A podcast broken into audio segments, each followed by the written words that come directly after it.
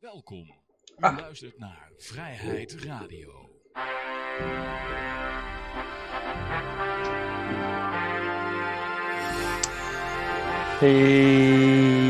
Ja, dames en heren, jongens en meisjes, het is weer een nieuwe aflevering van Vrijheid Radio. Leuk dat u luistert. We zitten hier gezellig in Café Libertaria met op dit moment eh, Peter en Lucas. En eh, mijn naam is Johan. En eh, wie weet schuiven er nog andere mensen aan, je weet maar nooit.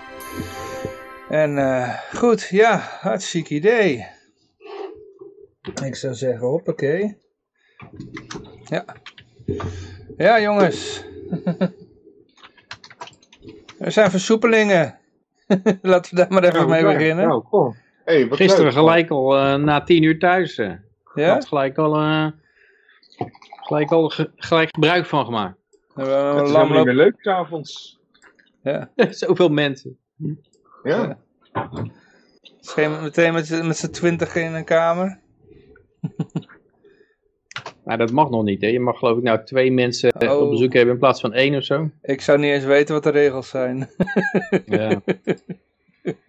nou, ik, heb dat, ik keek er gisteren even naar, omdat ik dacht van, ik wist ook niet of het nou afgelopen was die avondklok of niet. Daar moet je even rekening mee houden hoe hard je moet rijden op de terugweg. Oh ja. Eh. ja, nou ja, goed. Ehm, laten we in ieder geval eh, gewoon beginnen met geld, goud, zilver, bitcoins en de staatsschuldmeter. We hebben, eh, ja, we hebben sowieso een hele hoop berichten die ook nog aansluiten bij dit blokje. Dus die doen we daarna ook nog even. En eh, oh ja, als mensen nog willen reageren in de chat, dan kan dat uiteraard. Dus ja, voel je vrij om te reageren. Nee, goed. ehm, even kijken hoor. Ja, laten we beginnen met de goud, zilver, bitcoins en de staatsschuldmeter. We beginnen even met de staatsschuldmeter. Die staat op 378,3 miljard in het rood. Hij is nog steeds niet eh, bijge, bijgewerkt, hè? Nee, er was een artikeltje erover dat het eh, enorm opgelopen was. Maar... Ja, ja. Dat eh, En misschien moet wel een andere website, misschien is de figuur overleden of zo die dat ja. bijhoudt. Ja. Ik weet het niet. Ehm, in ieder geval zometeen nog een berichtje over inderdaad. En dan heb ik nog de marijuana in... Oh, hebben een microfoon. Minder- Marijuana-index staat op 177,93. Ik denk dat het dollar is. Hij is weer een beetje aan het ho- omhoog gaan. Aan het stijgen. Dus eh, dat is wel mooi. Is weer uit zijn dalletje aan het kruipen. Ehm, hebben we natuurlijk de bitcoin, daar hebben we zo meteen ook nog wel berichtjes over. Die staat op dit moment op 43.000 43.500 eurotjes. Het is, zit een soort van resistance waar hij maar niet overheen wil, hè? Het is, eh, Ja, maar die, die 63.000 dollar was ook wel een enorme klap omhoog. Dus ja, ik vind het wel logisch dat het een beetje afkoelt. Ja, en het is ook kwestie van tijd, hè. ja. Ja, Ja. maar als je een beetje uitzoomt, je ziet dat hij een enorme boeren heeft gemaakt de afgelopen jaar. Maar hij, eh, ja, het is, eh, ik, ik, ja, het, het, het lijkt erop alsof hij eh, geen, geen, uit, geen, ja, dat de boerin op zijn einde is eigenlijk. Geen stoom meer heeft. Ja, ja, ja. Er wordt er ook veel gezegd dat je zo'n dubbele bullrun krijgt zoals in 2013. Met een één piek en dan eh, Ja, maar hoe weten Ja, ze dat- dat? 30% daling. ik denk dat, de, dat dat weer het Nou, koortje van, de, van de, van de Moonboys is. Nou, hij vergeleek het een beetje met, eh, als je kijkt hoe vaak hij teruggaat naar het 21 weeks gemiddelde. Heel vaak Ja, ja, ja. bij die, bij die vorige boeren naar, richting 2017, toen ging die gewoon regelmatig terug naar, naar het 21 weeks gemiddelde. En dat was gewoon ja. één, één run, zeg maar, met, met steeds correcties erin naar het 21 weeks gemiddelde. En nou ging die gewoon in één streep door, zeg maar. Hij heeft nergens is hij teruggegaan naar het 21, we- 21 weeks gemiddelde. Hm, hm, hm. En de, de laatste keer dat dat gebeurde was in de 2013 piek. En toen, toen koelde die zeg maar één keer fors af. Eh, of toen ging die één keer fors terug. En, en daarna weer vooruit naar de echte hoogtepunt. Dus Ja. dat was een beetje zijn idee waarom, waarom dat eh, nu ook zou kunnen gebeuren. Dat hij één keer fors teruggaat in plaats van, van eh, regelmatig eventjes terugtrekken. En Ja. Kijken waar die is. Ik had een hele leuke theorie gehoord van een, van een analist. Ehm, en dat, dat, ja, daar had, had, had hij wel een goed punt in. Want hij vergeleek... eh, eh, want ja, nu heb je ook uh, alt-season, hè, die is ook overduidelijk begonnen. Ja. En hij, hij maakte toen een vergelijking met 2017. Toen als je in 2017 uh, altcoins wilde kopen, dan moest je daarvoor bitcoins kopen om dat te kunnen doen. Snap je? Dus al die, die stijgingen in altcoins, ja, daarvoor moesten mensen eerst bitcoin kopen. Ja. en, uh, bitcoin eerst omhoog en dan krijg je daarna Ja. die altcoins. Ja, en nu is dat niet het geval, omdat uh, ja, je, kan, uh, je kan ook direct altcoins kopen. Je kan het al direct omwisselen bij sommige, sommige altcoins. Uh, in ieder geval de top 20. En dus daar heb je bitcoin niet voor nodig. Dus uh, ja, hij zei ook al van ja, je kan nu zomaar hebben dat, dat je flinke alt season hebt en dat dat door blijft stijgen. Terwijl ja, bitcoin gewoon naar beneden gaat. Hij had trouwens ook een paar indicatoren gevonden waardoor, waaruit zou blijken dat het misschien wel voorbij is, voorlopig voorbij is voor bitcoin. Dus hmm. ja. Ja, ik denk nog niet dat de ultieme top erin zit voor deze cyclus. Maar mm -hmm. ik denk wel dat je inderdaad een flinke correctie kan hebben. Je hebt eigenlijk al flinke correctie gehad, maar het zou nog wat meer kunnen zijn. Ja, 45.000 dollar of zo. Ja. Maar het sentiment is al aardig gezakt, zag ik. Het was al, uh, van de extreme greed was er al uit naar, uh, ja, naar uh, ja, neutraal. Ja, goed. Dan hebben we natuurlijk goud en zilver en olie. Gaat gewoon door. Ja. Goud is op 1769 dollar per ounce. Zilver 26,8 26 dollar 8 cent. Olie is nu bijna 65 dollar per watt. Oké. Okay. Olie is eigenlijk redelijk sterk. Er wordt ook regelmatig een tanker aangevallen. Oké. Okay. Met een, uh, met een drone aanval zo. Oh, door wie? Amerika? Ja, het is niet duidelijk wie, wie dat, uh, wie dat, dat is. Die de olieprijs wil manipuleren. Je kan het beter zien aan de tanker die aangevallen wordt, denk ik, dan aan de, welke, waar die drone vandaan kwam. Nou, nou wie hebben er drones? Nou ja, tegenwoordig doen, doen de Jemenieten, die doen ook aanvallen met drones op Saudische okay. olieinstallaties. Mm -hmm. eh, dat, maar dat zijn dan gewoon van die, uh, van die huistuin- en kokendrones, denk ik, met een, een stuk Semtex eronder geplakt, dat hij nog net kan vliegen. ja, ja. Denk ik hoor. Ja. Nee, goed, ja, dan gaan we even naar de berichten toe. Ik heb hier een... Uh... De berichten. De berichten. Even kijken, moet nog een beetje galm erin. De berichten. De berichten. Zoiets. Lekker hoor. Ja.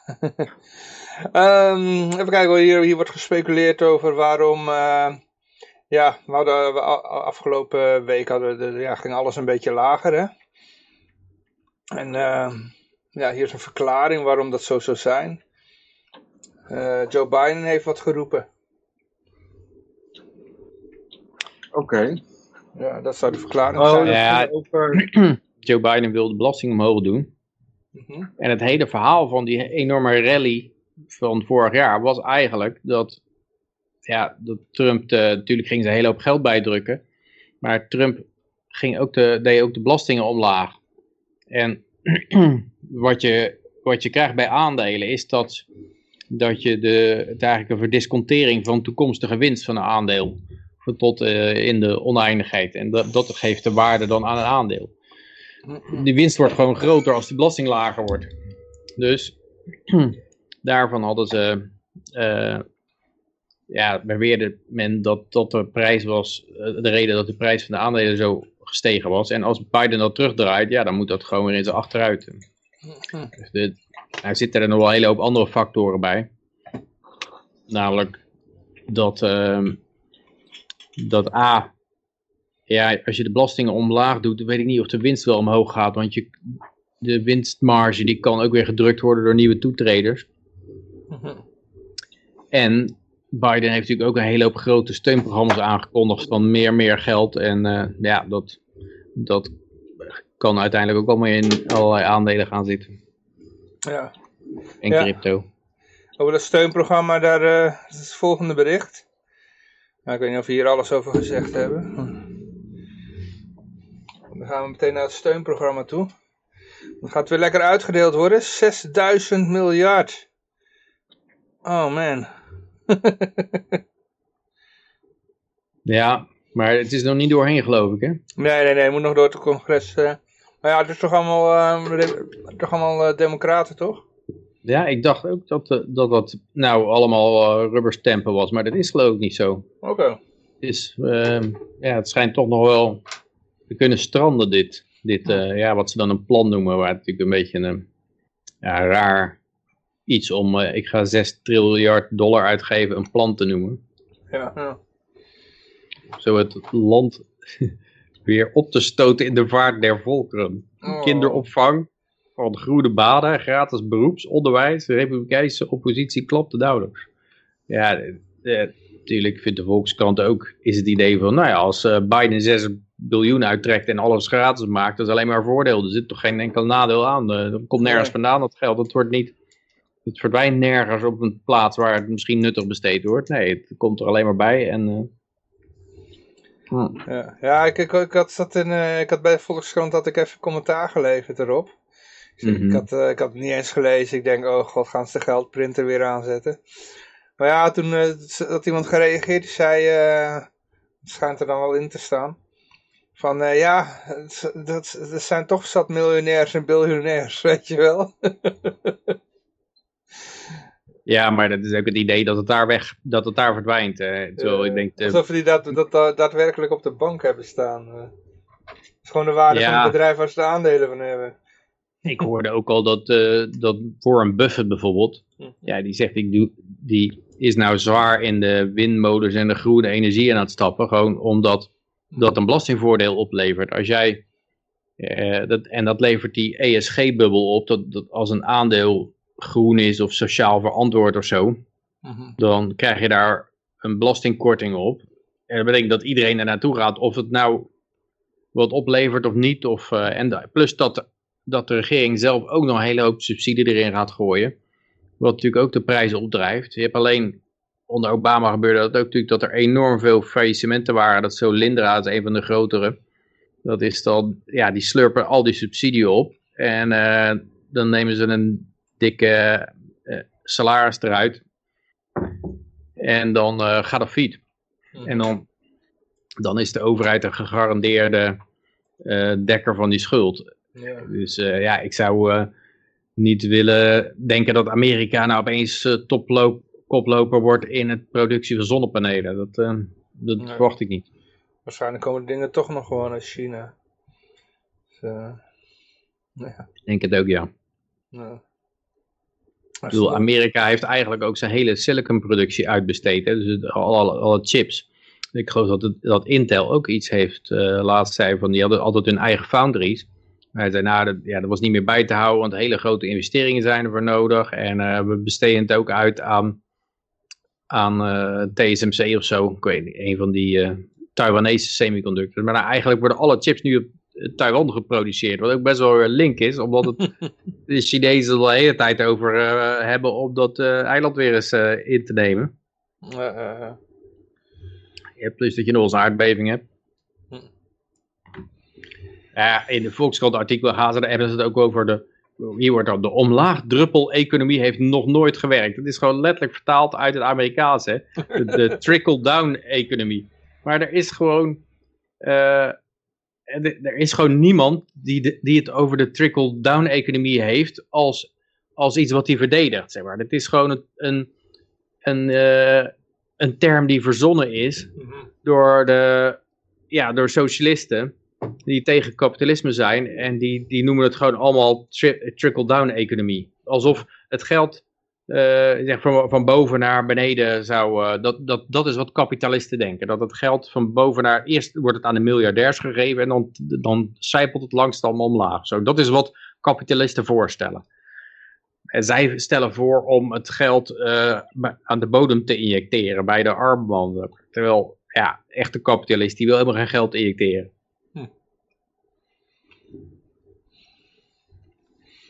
Ja. Ja, de dollar ging natuurlijk weer omlaag op dit nieuws ook. Mhm. Omdat men toch wel een beetje zich zorgen begint te maken over de enorme hoeveelheid eh, schuld die erbij komt. En eh, schuld die gemonetariseerd wordt ook. Ja. Maar hij, hij zei dat eh, hij wilde dat geld bij elkaar harken via belasten, hè? Maar... eh, ja, je kan geen dat- 6 biljoen erbij belasten. Ja. Er wordt trouwens in de chat gereageerd.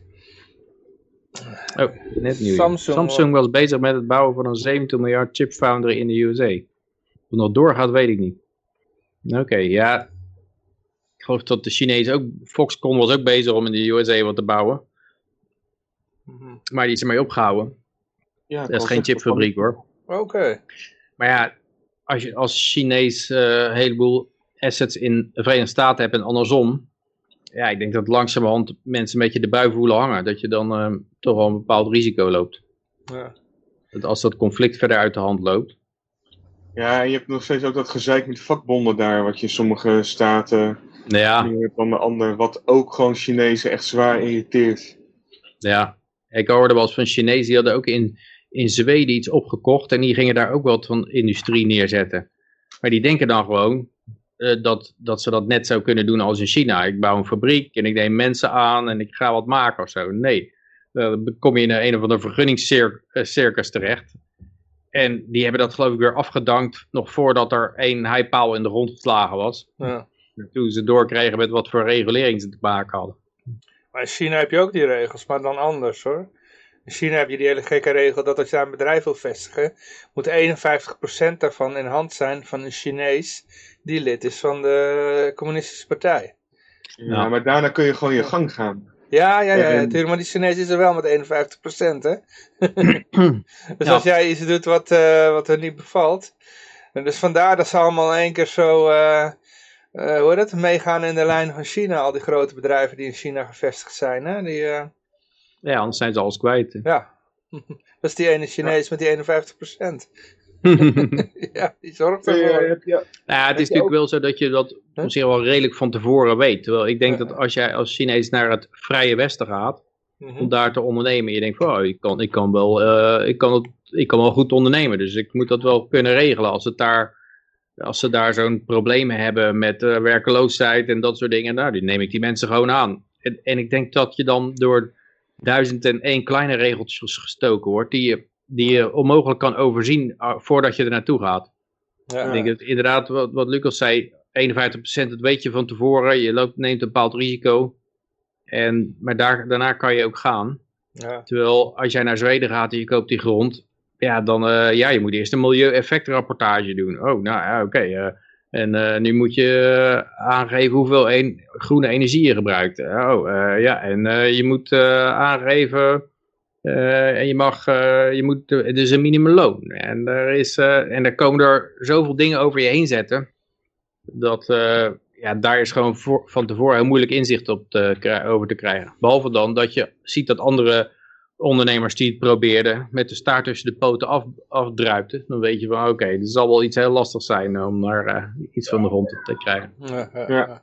Om nog maar een ander leuk voorbeeld te geven. Dat is ook een Chinees bedrijf, die bedienden wij vanuit Luxemburg. En dat was dan uh, ook met uh, vrachtwagens die dan vanuit Luxemburg naar allerlei plekken reden. En dan waren soms ook verbolgen dat de vrachtwagen toch niet op een bepaald moment uh, ergens was aangekomen. Bijvoorbeeld Wit-Rusland of zo, of Rusland. En dan zeiden ze ook van, ja, hoe kan het nou? Het is, waar staat die vrachtwagen nou? Ze ja, daar en daar. Ja, maar dan kan hij toch gewoon doorrijden? Nee, want we hebben ook rijtijdenwetgeving. En dan mag je dus niet doorrijden. En oh, ja. dan moet je ook tot tijd wachten. Ja. En bovendien moet je daar in kolonnen rijden. En mag je niet zomaar met die waarde door, uh, doorrijden. Dan moet je gewoon wachten tot je tien vrachtwagens hebt. Uh, of je moet uh, dan ja, extra transportservices in dienst gaan nemen. Maar dat kost extra. En dan zeiden ze ook van, ja, maar jullie moeten het gewoon doen. Ik zei, nee, maar dat kan dus niet, want er is die, die fucking rijtijdenwet. En dan zeggen ze ook van, ja, maar dan rijd je toch gewoon door. Dat, ja, dat, dat kan in Europa niet, omdat die straffen voor chauffeurs ook zo groot zijn. Die vertikken het ook gewoon. Mm. En, ja, en je ja, hebt een tachograaf aan boord waarschijnlijk. En die wordt al steekproefgewijs gecontroleerd. En er zijn enorme boetes en dat Ja. soort dingen. Maar ze begrijpen dat niet. Ze denken gewoon, ze gaan gewoon door tot ze er zijn. Ja, maar je moet het heel simpel uitleggen. Ik, heb ook, ik werkte bij uh, Motorola en dan hadden we een Chinees, die kwam ook net uit China zetten. En die kwam met zo'n brief aanzetten dat hij wat moest betalen. En uh, hij snapte dat niet. En uh, mijn collega's die zeiden, ja, vraag maar aan Peter wat dat is. Zij komt naar mij toe van, ja, wat is dit? Ik zeg, moet ik dit betalen? Hij zei, yeah, you have to pay this. Have to? Have to. have to? Have to. Is je niet En de toen was het, bureaucraat die eh, kan omkopen? En toen was het, eh, was het eh, gelijk, het zijn de gasten met de pistolen. Oh nee, toen was het gelijk duidelijk wat, om wie het ging. Maar het was hem niet duidelijk, omdat hij die brief, er stond een zwaan op. Want het was van het waterschap of zo. Terwijl normaal op elke brief van de overheid staat een leeuw, een, een adelaar, een beer. Er staat altijd een prooidier op die, eh, Ja, ja. die, die eh, vermorzelt, zeg maar. Nou, die probeer geen ruzie met de zwaan te krijgen hoor. Die winnen. Ja, dus, eh, dat is ook weer zo. Maar het is toch niet een typisch dreigend dier, zeg maar. De KLM gebruikt het toch als een mooie, elegante vogel. En ja, je moet dus inderdaad altijd een of ander prooidier met pijlen in zijn arm. Of, ja, dan weet iedereen gelijk, ook buitenlanders, van oh ja, die gasten zijn het. Terwijl, als dat er niet op staat, dan moet je naar je collega toe die dan uitlegt, have to? Yeah, have to. Oh, have to? Yeah, have to. Ja, ja. Mm. Ja, hier staat er ook aan, die resultaten als het aan hem ligt zijn een beter sociaal vangnet, meer betaald verlof voor werkende Amerikanen. Ja, je ziet nu al dat eh, al, die, al het gratis geld voor die Amerikanen, dat ze zelfs bij McDonald's geen personeel meer kunnen krijgen. Dus ik zag laat een reclamebord, dan kun je 50 dollar krijgen als je naar de eh, McDonald's ging alleen om een interview te doen. Alleen voor het interview kreeg je 50 dollar. Dat komt gewoon omdat niemand meer van zijn reet afkomt nou, omdat hij geld krijgt van de staat. En de mensen zijn gewoon te beroerd om dan nog bij de McDonald's te gaan werken. Dan zeggen ze, ja, ik kan ook thuis blijven zitten en dat eh, geld krijgen. Dus dat is, eh, dat is al deze een beter sociaal vang met meer betaald verlof voor werkende Amerikanen enzovoort. Toegankelijker betaalbaar. Dat gaat natuurlijk allemaal zorgen dat mensen denken van, ja, ik ga niet meer werken. En En dus dat alles moet betaald worden door hogere belasting te heffen aan bedrijven en de rijkste Amerikanen. En te voorkomen dat die belastingen ontduiken, staat tussen haakjes. Ja, terwijl, terwijl je kan natuurlijk, eh, ik bedoel, als, als je rijke Amerikanen echt veel belasting laat betalen, gaan ze gewoon het land uit. En dan, dan zeggen ze gewoon hun burgerschap op, dat kunnen ze wel betalen. Tenminste, eh, of ze Nou, gaan uit, Ja, je weet toch hoe het Ja. gaat met Amerikanen in het buitenland, hè? Nou, er zijn een heleboel Amerikanen naar Mexico. eh, er zijn, Ja, er gaan er meer Amerikanen naar Mexico Ja, dan je- Mexicanen naar. Amerika. Ja, maar de IRS die eh, blijft je achtervolgen. Ja, maar je kan, Ja. je, staat, je kan je burgerschap opgeven. Oké, ja, dat, ik heb verhalen van Amerikanen die dat dan proberen, weet je wel. Dat, eh, Hm. ik bedoel, de John McAfee zit niet voor niets in de bak, hè? Ja, het kost wel steeds meer geld. Ik weet niet of John McAfee zijn, zijn ehm, Amerikaanse staatsburgerschap heeft opgegeven. eh, oh, dat, dat moet even, weer even ja, voordat ik dan volgende week weer ga, moet re, re, Ja, rectificeren. rectificeren. maar volgens mij, eh, ik, wat ik vermoedde, wat ik er gelezen had, toen had ik dat gedaan, maar eh, was er niet geaccepteerd of zo. eh. Dat kan nog wel, ja. Je kan ja. dat ze dat niet accepteren inderdaad. Bij Roger Ver, even heeft het. Roger Ver heeft het wel gedaan. En, Ja. en bij hem is het wel geaccepteerd. Nou ja, als je als Nederlander naar het buitenland verhuist en eh, daar kan er is nog voldoende aanreken of als er nog voldoende aanleiding is om aan te nemen dat je de band met Nederland niet voldoende hebt doorbroken Mhm. of verbroken, dan eh, moet je ook gewoon betalen in Nederland. Dus ze zeggen Ja. ook van ja, je, woont, je staat wel ingeschreven in Nederland, maar je bent een half jaar per jaar in Nederland. Of je bent nog lid bij die en die sportclub. Club. Dus eh, jij, bent, je hebt helemaal geen binding met dat andere land. Dus Ja. woon je gewoon in Nederland. En dus gaan we hier, jou hier naaien. En niet, la- Hmm. laat je niet alleen maar door de Zwitserse overheid naaien. Dus dat is wel... eh, Ja, je moet daarmee uitkijken. Ze, ze, ze accepteren het niet snel. Ik, heb- eh, er zijn verhalen van mensen die inderdaad, die lukt het gewoon niet om maar uit Nederland fiscaal weg te komen. Omdat de overheid steeds maar blijft beweren wat, eh, dat, dat, dat ze nog in Nederland wonen. En maar die figuur die dat boek schreef, die is het uiteindelijk ook wel gelukt. Maar als jij bijvoorbeeld, als jij in het buitenland een baan hebt, ik denk dat je, dat je het best dan, als je naar het buitenland gaat, dat je daar een baan moet hebben. Dan krijg je een, eh, al, is het maar voor, voor weinig tijd, dan, eh, dan heb je daar, betaal je daar belasting. Of je, als je kinderen daar naar school gaan, dan is het ook allemaal eh, is het wel oké. Maar als je hier bijvoorbeeld een huis hebt waar je nog naartoe zou kunnen, dat is al een, een, een red flag. Dan, dan kunnen ze al zeggen van, ja, eigenlijk, je, hebt nog, je moet daar een plaats hebben waar je altijd terecht kan. En je moet hier een- geen plaats hebben waar je altijd terecht kan. ja. En zo zijn er nog wat, en het zijn vage regels. Het is, eh, het is ter interpretatie van de belastingambtenaar. Ja. En je moet ook gewoon iemand hebben die daar voor je kan pinnen regelmatig. Zodat je ook echt kan aantonen van, hé, hey, ik was daar.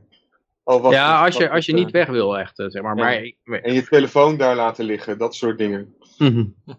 Ja, ik zou, ik zou gewoon ook echt wel weggaan als je dat, eh, als je dat, doet dat doet. eh. Maar, ik, Ja, ik- Maar hier staat er Biden verwees expliciet het, het dogma naar de prullenbak waardoor Amerikaanse politici zich sinds Ronald Reagan laten leiden. Dat lagere belastingen uiteindelijk iedereen helpen. Dat is, dat is dus niet zo. Lagere belastingen helpen niet iedereen. oh man. Ja, ja. Ja. Ja, ik Dus, nog- dus eigenlijk wat er eigenlijk Ja. gebeurt als je meer belasting hebt, is dat er gewoon in plaats van mensen in de vrije markt voor je werken, die je een hamburger geven, werken mensen in de overheid voor je, die je een vergunning geven of een stempeltje of een boete. Ja, dat, dat, dus ja, daar, als je, zodra je geldstromen omlegt van de vrije markt, die jouw producten en diensten levert, naar de overheid, die je dingen levert waar je niet om vraagt, ja, dan ga je erop achteruit. eh. En dan gaat dus iedereen erop achteruit. Ik denk de armste nog het hardst uiteindelijk bij dit soort dingen hoor. Want eh, ja, dat zie je altijd. ja. Dat zie je ook nu bij de huizenprijzen. Ja, inderdaad. eh. De me me- want meestal zijn het de mensen die assets hebben, die profiteren van stijgende assetprijzen. Ja. En wie zijn degenen die de assets hebben? Dat zijn allemaal de superrijken en de, of, of de gemiddeld rijken ook. Maar de armen die gewoon, ja, die geen assets hebben, die, die profiteren daar niet van.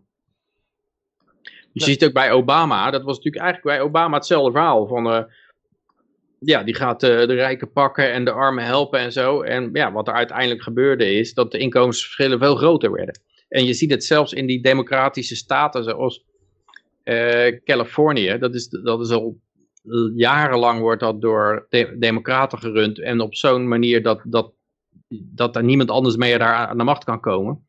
En dan zie je heel de middenklasse daar weggaan. En wat er overblijft zijn die, eh, die homeless, de enorm berg zwervers die ze hebben. En eh, Hollywood eh, miljonairs. Dus je hebt daar de grootste inkomensongelijkheid die je maar kan voorstellen. In een staat waar ze juist zogenaamd bezig zijn het tegenovergestelde te bereiken. Dus je ziet ja, de overheid natuurlijk heel vaak als ze iets gaan doen. Zeggen nou, wij gaan je van de terror- terroristen afhelpen. Ja, dan gaan ze Afghanistan bombarderen en stand te peden heb je gelijk een heleboel meer terroristen. Dus eh, ja, ze bereiken altijd het tegenovergestelde van de, van de gestelde doelstelling. De, eh, je kan natuurlijk zeggen dat zij daar baat bij hebben, omdat ze dan een heel eh, beveiligingsapparaat in het leven kunnen roepen. Met die, onder die terroristendreiging. Dus je moet nooit van die terroristendreiging afkomen. Je moet het alleen maar versterken. Of eh, coronadreiging. Corona, elke dreiging is in feite voldoet om, eh, om de greep te vers- versterken. Daarom ook die mensen die denken van, nou ja, kom maar op met dat vaccinatiepaspoort, dan kunnen we tenminste weer op vakantie naar Ibiza. Ja, die, die vergeten dat de overheid je, als je iets heel graag wilt, dat ze je dat nooit gaan geven. Dus eh, ook als jij je laat inenten en je, en je accepteert het vaccinatiepaspoort, wat er dan gebeurt is dat, dat ze dan zeggen, oh ja, maar nou is er een nieuwe golf en of er is iets anders. En eh, eh, ja, daardoor ehm, ehm, hebben we toch weer iets anders nodig. Een eh, biometrisch paspoort of zo. En je blijft zeggen, je blijft toegeven. Dus, eh, en dat zie je eigenlijk met, met café-eigenaars al. Die dachten van, nou ja, zolang we maar rookruimte hebben, dan, eh, dan, dan ma- mag je nog blijven roken in ons café. Nee, rookruimte werd ook verboden. Nou, ik heb het tenminste mijn café nog. Nee, nou is je café ook helemaal dicht voor een jaar lang. Dus, Maar zodra jij de eigendom uit handen geeft, ben je het eigenlijk helemaal kwijt. Ook als het maar een heel klein beetje is. JP reageert in de chat van... eh, maar de homeless die waren wel weg toen de Oscars werden uitgereikt. Ja, die Oscars ook. Dat was weer een super laag kijkrecord. Daar keek weer een hond naar. Omdat, Hoe had die ja, gelezen? die zitten, ja, het stond niet eens in het Nederlandse nieuws. Ik kon het niet eens vinden. En ehm, die zitten de hele tijd te blaten over allerlei social justice. En nou moest het zo dat als je een Oscar wilde winnen, dan moest je, dan moest je bij LGBTQ kregen extra punten. En, en Native Americans en Latinx en, eh, en het zwarte natuurlijk. Eigenlijk alles behalve witte mannen. Dat was eigenlijk, eh, dat was eigenlijk wat er, wat er werd verkondigd. En er keken nou maar 5 miljoen mensen naar. Zo. Het was weer 63% gedaald. eh. Ja, nog niet Ja. eens 10 miljoen, ja. Ja.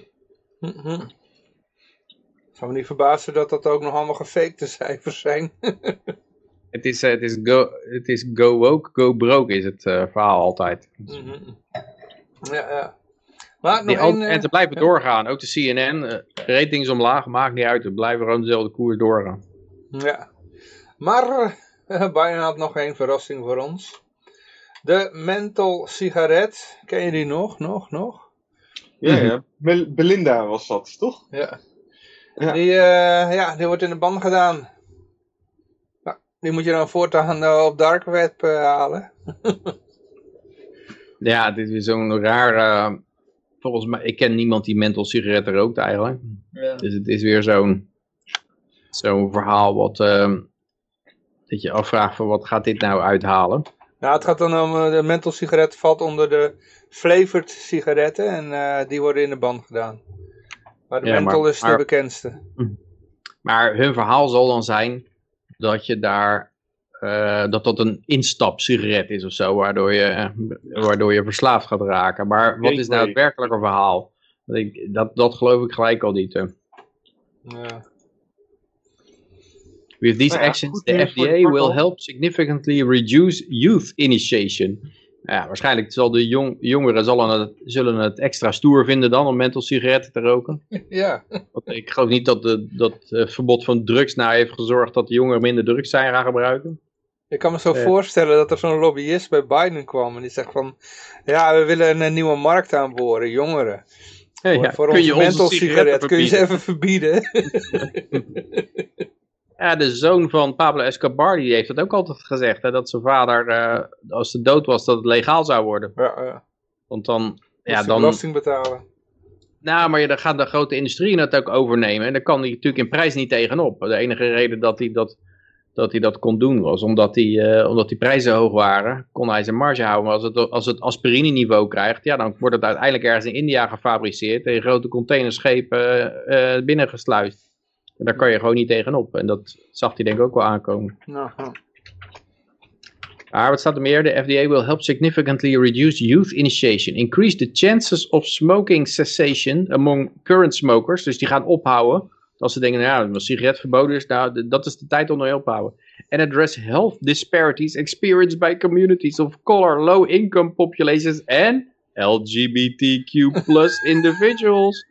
All of whom are more likely to use these tobacco products. Dus ze, ze zeggen eigenlijk, homo's eh, roken menthol sigaretten, daar gaan we ze verbieden, dat ze dat niet meer mogen. En daarmee eh, zijn ze beter af. You'll be happy, eh, wat was het ook weer? You own Own nothing, nothing and and you'll be happy, happy. about it. World Economic Forum. Ja, dat Ja. is ook wat in No Agenda wel eens gezegd wordt door Anne. Curry. Dat, eh, dat homo's op zich helemaal niet zo blij waren met Biden. En eh, niet per se omdat ze eh, een vrolijke kleurtjes hebben, opeens bij het Biden-kamp ook zouden horen. Maar ook gewoon wel voor Trump zouden kunnen stemmen. Juist door dit soort pesterijtjes. eh. Die eh, ja, best wel Ja, als je, nou nog niet, kunnen zijn. Als je nou nog niet doorhebt dat al de democratische LGBTQ en, eh, en we geven ze om de zwarte, dat dat allemaal nep is, dan, dan, eh, ja, dan heb je niet gekeken naar wat er in al die democratische steden is gebeurd. Ja, maar dat, Nee. mensen die horen dat niet. Die, die zien dat niet. Die kijken vrolijk naar Netflix tegenwoordig.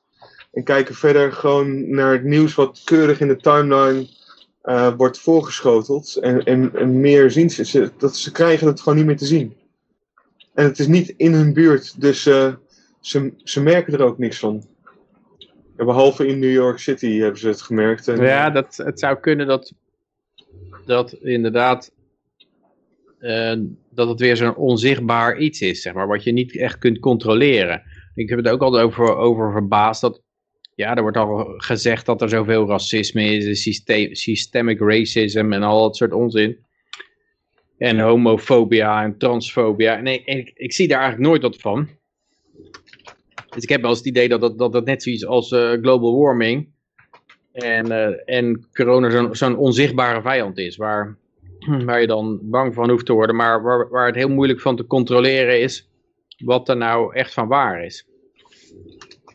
Maar dat je denkt, nou het zal wel, want iedereen zegt het en ik hoor het van alle kanten en eh 600 media vuren het op mij af. En ik denk ook dat democraten zullen natuurlijk heel erg bij gebaat zijn dat je dat er een soort strijd is in de, die hebben, willen altijd gewoon een klassenstrijd hebben. Ja. En daarom creëren ze gewoon het liefst een heleboel klasses. En ook geen oplossingen creëren, want Ja. daar hebben ze geen belang bij. Ja. Nou, En wat het Ja. enige probleem is dat al die klassen elkaar ook weer een beetje haten. Proberen ze misschien op te lossen door LGBTQ in, als één woord te propageren steeds. Dat, dat die bij elkaar horen. Maar ik denk dat het heel moeilijk is om, om te appelleren aan zwarten en aan joden bijvoorbeeld. eh, en aan eh, homo's. Maar ja, tot nu, toe lukt, lukt het ze aardig om, die, om, die, eh, om dat, op dat touw te lopen. Zeg maar. Om dat, die balanceertruc uit te, uit te buiten. Hoewel dat bij de PvdA kan je zeggen helemaal mislukt is. Die, die zijn eigenlijk helemaal eh, weggevaagd. eh. ja, op zich prima toch? Ja. Ja, ja, ja. Komt er weer iets anders voor in de plaats, hè? Ja. Ja, dat is ook waar. Kijk, als, als het nou is van mensen gaan minder etatistisch denken, ja, dan, dan, kan, dan juich ik. Maar eh dus de ene etatist die door de andere vervangen wordt. Fair. Maar ik denk dat GroenLinks eigenlijk hetzelfde probleem wel een beetje heeft. En de, en de Socialistische Partij, ja, dat, is, dat is ook een partij die dan heel erg voor de, zeg maar, de traditionele arbeider is. Ik denk dat alle oud-PVDA'ers, typische arbeiders, die in een wijk zaten die helemaal zwart werd of moslim, waar ze de buren niet meer konden verstaan, dat die op de SP is gaan stemmen misschien. eh, omdat de PvdA, PVV. en de PvdA heeft nooit die moslims binnengehaald. Nou, de PVV Nou. is een waarschijnlijker. Ik hoorde, Lucas, zei je nou? De PVV, wat eh, Johan zei, dat is eh, waarschijnlijk een Ja. nieuwe PvdA. Ja, Oké, dat zou kunnen, ja. ik hoorde dat van, eh, ik was toevallig met een vriend van mij en een, eh, ja, die woont ergens in, in Drenthe. En die, dat is een, een gebied dat vroeger dus eh, van oudsher PvdA was. En dat is nu allemaal eh, gewoon eh, hardcore PVV. Ja. Dus, eh, Ja, en de, en de, vro- de en vroeg ik ook van. Wat, is de reden? Nou, het, zijn een beetje toch wel de, de arbeiders, hè? En, eh, ja, de men- mensen die nog echt eh, werken. En ja, Hmm. die, eh, die, zien, die herkennen zichzelf niet meer in de PvdA. Dus ja. Nee. Dus. Jeep zegt hier, eh, al die kleine groepjes hangen al samen in hun haat voor de gevreesde boze blanke man. Ja, dat doen ze inderdaad heel erg. Door die Trump-haat enorm op te kloppen, kunnen ze, kunnen ze die groepjes bij elkaar houden. Maar er zitten ze wel een beetje een probleem, nou Trump weg is. En als ze, dat niet ja, als ze geen nieuw condensatiepunt hebben waar ze hun ha- haat op kunnen richten, dan beginnen de interne krachten beginnen te spelen, denk ik. Ja, ik denk dat ze gewoon Trump weer van stal halen dan hoor. Ja, maar zo is ook een dagje ouder natuurlijk. Ja, maar goed, ja. Hoewel hij aangaf dat hij eh, toch er weer tegenaan wilde. Volgende verkiezingen. Ja, ja, die gaat zijn eigen, die gaat zijn eigen social media platform lanceren en dan... eh, En dan gaat weer eh, de straat op om eh, die campagnes. ja, eh, En hij gaat rallies voeren en zo, geloof ik. Ja. dus de best wel two wat voor, minutes hoor. of hate, die, die komen wel weer hoor. Nou, Ja, ik loop mensen af en toe ook wat te trollen en dan zeg ik van, eh, dus van ah, we moeten nog herstellen van Trump. Ik zeg, nou je kan beter alvast voorbereiden op Trump 2024. Eh, maar in feite helpt hij daarmee, zeg maar, als, als, als mikpunt van haat om, om, eh, om al die andere bij elkaar te, die eh, diverse, diversity groepen bij elkaar te houden. Ja. Maar het voelt toch een beetje als een instabiel atoom aan. Waar gewoon een beetje te veel neutronen in het, of protonen in het midden zitten. Er hoeft Ja. maar één neutron in te komen en dan knalt uit elkaar. Maar de staatsschuld, wat is dat? Veel. Ja, Nee, het is een artikeltje van, eh, wat, je, wat, wat is dat nou precies, de staatsschuld? Dit moet je erover weten. Ik vind dat wel mooi, als een artikel van, van ah, het is heel abstract, iets waar, je, waar gewone mensen nooit mee te maken krijgen. Dat is een of ander getalletje is het, eh, maar eh, nu.nl heeft het voor je uitgezocht. Maar ze gaan er ook echt vanuit dat de lezer het geen loor kan schelen. Wat waarschijnlijk wel klopt hoor, de lezer kan het ook geen loor schelen. Die, die denkt nooit dat, er- dat er iets mis kan gaan omdat de staatsschuld te hoog is. En voor een gedeelte is het ook. eh, ik, maakte, ik maakte tijdens mijn studententijd al. eh, dacht ik van. Dit is onhoudbaar, die staatsschuld. En toen werd ik ook al uitgelachen van. eh, nou. Is dat nou voor ons? Er is echt niemand in Nederland, Peter zei, die zich zorgen maakt over de staatsschuld.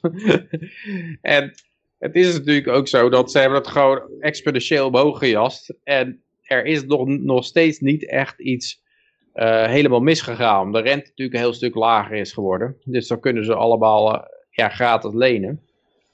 Ja, maar ik begin dat, nu, nu begint het denk ik toch wel echt wel een beetje te kraken. Want de assetprijzen, de bitcoins, ze vliegen de pan uit. Maar timmerhout, ook koper. Uh, de landbouwproducten beginnen nou ook enorm in prijs te stijgen. en dat, dat laatste zeker als, je voedsel, als de voedselprijzen gaan stijgen. Ook omdat aan de andere kant wordt de voedselproductie afgekapt door die boeren te jennen. Dus dat, uh, ja, dat, dat gaat toch wel wat effect hebben, denk ik. En ik las toevallig dat vandaag dat er iemand een enorme grote bed had gedaan op de optiemarkten. Dat, dat in augustus, geloof ik, zou het feest over zijn. En dan zouden ze de, toch de rente gaan verhogen. En dat zou best kunnen als natuurlijk de voedselprijzen enorm omhoog gaan. En huizenprijzen gaan natuurlijk al enorm omhoog als die voedselprijzen ook omhoog gaan, dat ze zich toch genoodzaakt zien om, om in ieder geval symbolisch toch al die rente te gaan verhogen. Om, uh, om wat, wat in te dammen. Dan uh, wordt het natuurlijk heel spannend. Ja. Ja, ja maar ja, onze staat een, schutting- staat wel... eh, die we hebben besteld, die eh, kan dus momenteel niet geleverd worden, omdat ja, dat model er niet meer was. En eh, waarschijnlijk, dat vermoeden we althans, moeten we gewoon nog wat meer gaan betalen om die schutting ook echt geleverd te krijgen, omdat die prijzen nu gewoon hoger zijn. Maar we hebben ook tegen die leverancier gezegd van, dat, dat gaan wij niet betalen, want we hebben dit in de offerte gekregen. Maar dan de- vermoeden we dus dat hij denkt, nou ja, dan gaan we het gewoon niet leveren. Er wordt ook geen leverdatum genoemd, dus dan eh, stellen we dat gewoon uit. Maar de prijs kan ook weer heel hard omlaag gaan. Hè? Als eenmaal de aanvoer weer is hersteld, dan kan het zich ook weer normaliseren. Er zullen niet minder bomen opeens vermoord zijn eh, de afgelopen Hmm. tijd. Het, het, staal, het is waarschijnlijk ergens in Rusland, in de taiga staat het nog. Eh, of in, Nou, die zaagmolens is ook een beetje een bottleneck. Ze kunnen wel heel snel bomen hakken, maar ze kunnen niet snel genoeg een planken zagen. En eh, het probleem is dat ze in Amerika worden er enorm veel huizen gebouwd nou. Omdat de prijzen zijn natuurlijk heel hoog. Maar er zijn heel veel mensen die uit de stad wegtrekken en die eh, wat rustiger gaan wonen met het idee van nou, dat wordt voor eeuwig thuiswerken.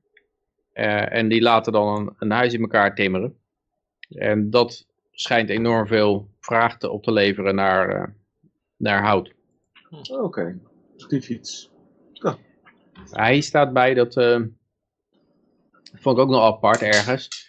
Daar, daar zeiden ze van ja, het is, eh, je, het is een staatsschuld over ontstaat doordat er meer wordt uitgegeven dan er binnenkomt. Nou, dat is, dat is dan, dan wel, eh, dat klopt wel. Maar er werd ergens gezegd van ja, je kan niet vergelijken met een gezin of zo. Dat, eh, ja, hier. Dat wil niet zeggen dat overheden qua leengedrag vergelijkbaar zijn met burgers. Dus eh, als je de schaal wat vergroot, dan, dan vera- verandert dat allemaal. Hè. Dat, dat kan je niet vergelijken. Het is niet zo dat, er, dat we hier met een probleem te maken hebben. Omdat we meer, pertinent altijd meer uitgeven dan, dan we binnenkrijgen. Nee, overheden gaan verstandig met geld om.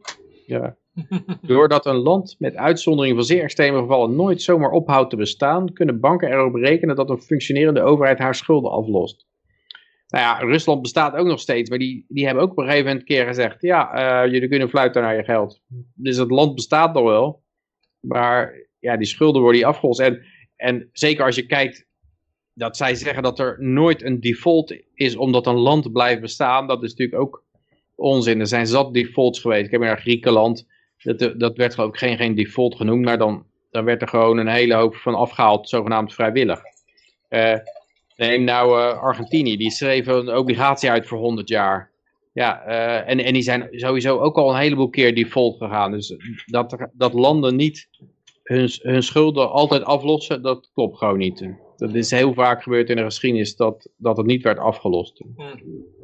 Je hoeft maar een communistische revolutie uit te breken. Je bent alles kwijt. Mhm. Nou ja, maar dan wint de overheid alles natuurlijk. Maar het probleem is dan altijd om het te verkopen, want er wil niemand het kopen. Ja. Omdat je denkt van ja, je hebt het net gejat van iemand anders. En je hebt alle mogelijkheden om het weer te jatten van mij, dus waarom zou ik het dan kopen? Hm, hm. En, eh, daarnaast kunnen overheden terugvallen op tal van bezittingen die als onderpand kunnen dienen. Daardoor is de staatsschuld, ondanks de negatieve klank, feitelijk niet zo'n probleem. Eh, Want ze hebben allerlei bezittingen, die kunnen ze verkopen. Maar ja, wie gaat er nou bijvoorbeeld een eh, luchthaven kopen hier van de staat? Als je weet dat de staat gewoon kan besluiten van, eh, ja, alle vliegverkeer is verboden voor een jaar. Ja. Ik denk niet dat, dat er veel mensen staan te trappelen om zo'n luchthaven te kopen dan. Nee. Nee, klopt. Hier staat de Ja. staatsschuld bedroeg aan het eind van 2020 volgens CBP en statistiek 379 miljard euro. Dat betekent een toename van 42 miljard euro ten opzichte van het jaar eerder. Dat, dat is niet wat jij in jouw eh staatsschuldmeter site terugziet, geloof ik. Dat die Nee. toegenomen is met 42, met, eh, 42 miljard. Hè? Ja, ik, ik weet niet. Volgens mij, ik, ik heb ook geen idee. eh. ik, zou, ik zou die staatsschuldmeter graag willen opnoemen, iedere, iedere uitzending.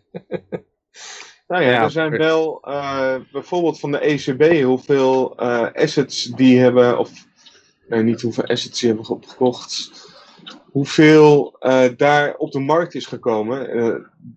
Dat, daar zijn wel cijfers van bekend. En dat is dan de ECB, dus niet de Nederlandse bank die dan zorgt dat die schulden gemaakt kunnen worden. Maar daar zit ook natuurlijk nog wel wat, wat staatsschuld die ontstaat. Waar wij als Nederland dan wel zich borg voor zouden moeten staan. Eh, snap ik even niet. Nou, ECB creëert ook geld en schulden. En dan En- kopen ze staatsschulden mee op over het algemeen met, met dat geld. Ja, ja, ja. Maar als dat zou moeten worden terugbetaald, wat niet zo is waarschijnlijk, want dat, dat verdwijnt Mhm. in het terugledige en worden rijker, rijker en armer. Ja, hij wordt gewoon alleen maar hoger. Maar je bedoelt, Dat- bedoelt dat Nederland een garant staat voor bepaalde... Ja, en, eh, ja, ja, ja ik, eh, ik weet wat je bedoelt. Inderdaad, voor, voor Ja. eh, van, die, van die potjes voor als een land omvalt. ja, de of, ESM bijvoorbeeld was ja, een dat potje. ja. Ja. eh, dat. Ja, ja. Ja, dan, dan Ja, moeten die ook gebruikt van- worden voor als bankomval, hè, nu. Ja. Ja, en dat, dat bedrag staat waarschijnlijk niet bij de Nederlandse staatsschuld, zeg maar. Nee, Terwijl nee, Nederland daar in feite wel garant voor staat. Ja, ja. Of de Nederlandse onderdaan, zeg maar. Klopt, klopt. Inderdaad, ja, ze en hebben allemaal van dat stond hier ook nog iets van, een derde van de Nederlandse staatsschuld is in handen van het eurosysteem. Dat is ook raar. Een systeem heeft, geld, eh, heeft schuld in handen. Maar daar vraag ik me ook vanaf. Ja, de- dat, als de, dat was geloof ik een beetje een ehm, hete hangijzer of de ECB eh, schuld mocht aangaan. Want ze hebben eigenlijk geen belastingbasis. Maar dat is toch op een of andere manier eh, erdoor gekomen met een, eh, met een rare kwinkslag. Maar dit was nogal een mooie zin die er stond. Ze wilden de, ze wil, want het, het doel was, de ECB, ja, het, eh, dit monetaire autoriteit, eh, de, de, dat is de monetaire, monetaire autoriteit van de eurozone en bestaat uit Europese Centrale Bank en Nationale Centrale Bank van de lidstaten. De ECB koopt staatsobligaties op, zodat landen minder afhankelijk zijn van banken. Oh, dat is het doel. Het, do- het doel is minder afhankelijk te zijn van banken. Die banken kunnen daardoor op hun beurt meer geld aan de burgers en bedrijven uitlenen. Met geld op zak kunnen zij de uitgaven doen waarbij de economie aangeslingerd wordt. Ja, dat is ook weer zo'n verhaal. Van, eh, ja, de- je moet alleen... eh, maar als je een hele hoop geld erin jast, of een hele hoop krediet, dan kun je meer investeren. En dat is wel zo. Je kunt natuurlijk meer projecten beginnen. Ja, als je tien ondernemers hebt die allemaal een, allemaal een project hebben in de pijplijn van eh 10 miljoen of zo, ja, dan eh, kun je 100 miljoen, kan je ze allemaal uitvoeren, lijkt het. Maar als je alleen 100 miljoen uit dunne lucht erbij tovert, en, en je geeft het aan die 10 bedrijven, eh, dan, of eh 100 bedrijven, was het, dan, dan zijn er niet meer bakstenen bijgekomen. En ook niet meer werknemers, en ook niet meer hijskranen, niet meer cement, niet meer rubber, niet meer koper. Dus betekent dat, dat omdat er niet meer van dat soort resources zijn, kan je die, nog steeds die 10 projecten niet uitvoeren. Je had een keus moeten maken voor de beste projecten te financieren en niet de, niet de slechtste. En dan hadden ze allemaal uitgevoerd kunnen worden. Als je een hele hoop krediet creëert en je gaat al die bedrijven die gaan hun plannen uitvoeren, dan komen ze uiteindelijk cement en stenen en olie en hijskranen en werknemers tekorten. En dat is, eh, dat is de reden van de Austrian School eh, eh, Business Cycle. Dus dat, eh, ja, dat als je een hele hoop krediet creëert, dan maken ondernemers de verkeerde plannen. Die, die schatten het verkeerd in hoe ze hun investering kunnen doen. En aan het eind zitten ze allemaal met half afgebouwde shit. Als de geldkraan dicht, of de- als, als, eh, als de bakstenen op zijn, zeg maar. Ja. En dan moeten ze het allemaal eh, in de verkoop gaan doen. En dat is dan de, de economische crisis. Ja, ja. Wordt in de chat nog gereageerd? Ehm, Alle pensioenen staan ook nog niet bij de staatsschuld. Ja, ja er zou dan ass- assets tegenover moeten staan. Maar ik geloof dat zeker voor de AOW is dat, is dat niet het geval. Dat is gewoon een doorschuifsysteem. Ja. Ja. Ehm, maar we hebben nog een zooi berichten. Even kijken, Oh, waar waren we eigenlijk? Eh, Maar bij de staatsschuld. Ehm, de Rabobank hebben we ook nog een bericht over. Ja, die gaat de Eh, rente rekenen boven een ton spaargeld. Ja. Maar ABN ook geloof ik hè? Ja, ING. ABN gaat ook geld rekenen als jij pint boven de 10.000 euro per jaar. Oh, op een jaarbasis 10.000 euro pint. Ja, en dan gaan ze Oké. gewoon 5 euro per keer rekenen en, eh, en nog een provisie per, van het bedrag. Oké. Dus het is toch een beetje proberen, A, proberen cash uit te faseren en, en, die hele la en die negatieve rentes. Dat is natuurlijk de bedoeling dat, dat jij dan als een gek in allerlei Dogecoin gaat investeren en allerlei eh, Ja. risicovolle projecten aangaat, omdat je geen geld wil kwijtraken. En dat gebeurt er over het algemeen ook. Dat mensen totaal niet meer gaan sparen en alleen maar speculeren. Mhm. Dat is ook de reden dat de huizenprijzen omhoog gaan. Mensen denken van nou, dan kan je beter maar een heel groot huis kopen. Eh, of, of een heel duur huis, in dit geval. Ja. maar je moet voorkomen dat je te veel spaargeld krijgt. Ja. Nou, wel, als je eh, spaargeld in de crypto hebt, eh, ik weet niet wat, wat nou verstandiger is. ja, het punt is natuurlijk spaargeld crypto. goud. Met crypto heb je natuurlijk een enorme volatiliteit. En eh, zeker Ja. nu lijkt het me een heel erg. Het is natuurlijk al enorm gestegen. Dan lijkt het me een heel, hele linker soep om daar te veel in te steken. Maar als je er al, als je er al lange tijd geleden in gegaan bent, dan is het op zich niet erg als het 50% omlaag gaat of weer omhoog. Of, eh, en dan, eh, ja. Volatiliteit is ook afgenomen over de tijd heen. Wordt, wordt steeds minder. Mhm. Bitcoin tenminste. En voor die andere waarschijnlijk ook wel op de duur. De bitcoin gaat ook nog wel af en toe met, eh, met duizendjes omhoog en omlaag hoor. Is zo, maar procentueel gezien, als je Ja, kijkt ja. naar wat, de, wat in 2013 de volatiliteit was, je ziet ook dat die, die zeg maar, die, die cycli vanaf de bodem tot de piek, dat die, die waren in het begin absurd hoog. En dan eh 5000 procent of zo. En dan de volgende cyclus was eh 1400 procent. Eh 14, eh, ja, zoiets. Ik weet niet meer precies wat, wat het was, maar die Benjamin Cohen op YouTube houdt het wel bij. Die laat dan zien van ja, de eerste cyclus had, die ging in een hele korte tijd enorm veel omhoog. En die volgende cyclus, die ging in meer tijd iets minder omhoog. En deze cyclus, cyclus die daarna gaat, en, en deze cyclus zal waarschijnlijk weer, weer trager gaan en weer minder hoog komen. Mm, eh, ja. Dan, eh, en hij ligt nu gelijk met de vorige cyclus. Eigenlijk ligt hij voor op schema. Hij moet, eh, hij moet, een, moet een beetje afkoelen. Mhm. Ja. Maar Ja. als spaargeld is het niet zo, eh, ja, is het een beetje te, te, dan kan je beter goud zitten misschien, ja. Ja, Als je, als je toch veiligheid wil hebben. Hm. Als je, als je hard vooruit wil gaan, ja, dan kan je inderdaad in allerlei dotcom-achtige stocks en de, in de fangs en zo. Maar ja, als er inderdaad een paar renteverhogingen aankomen en een belastingverhoging, dan denk ik toch dat de aandelenmarkten wel heel erg op hun neus krijgen. Mhm. Ja, je hebt in, crypto heb je steeds meer van die munten die dan dat hele renteverhaal over willen nemen. Door eh, dat je dan een coin kan steken Ja, en dan een bepaalde tijd vast kan zetten. En dan krijg je zoveel procent. eh, bijvoorbeeld bij Cardano, ik krijg dan geloof ik al 8 procent. ja. Dus nou, dat is beter dan de, de bank ooit gaf. En je hebt ook eh, ja, meer van dat Je soort krijgt coins. natuurlijk hoor. 8% in een hele instabiele munteenheid. Maar het is Ja, zelfs ja. zo, dacht ik. Ja, ik, heb, ik heb het alleen maar... Ik heb het wel een keer bekeken of het nou zo was. Maar het was zelfs zo dat als jij US stablecoins doet, eh, Tether of zo.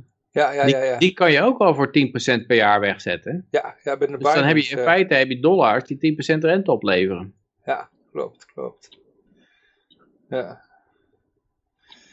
Ja, ik, hoor elke keer weer van, van allerlei, allerlei nieuwe coins die dan datzelfde ook weer doen. Dus het is een eh, populair dingetje. Dan, eh, ja, omdat de banken het niet meer doen, hè.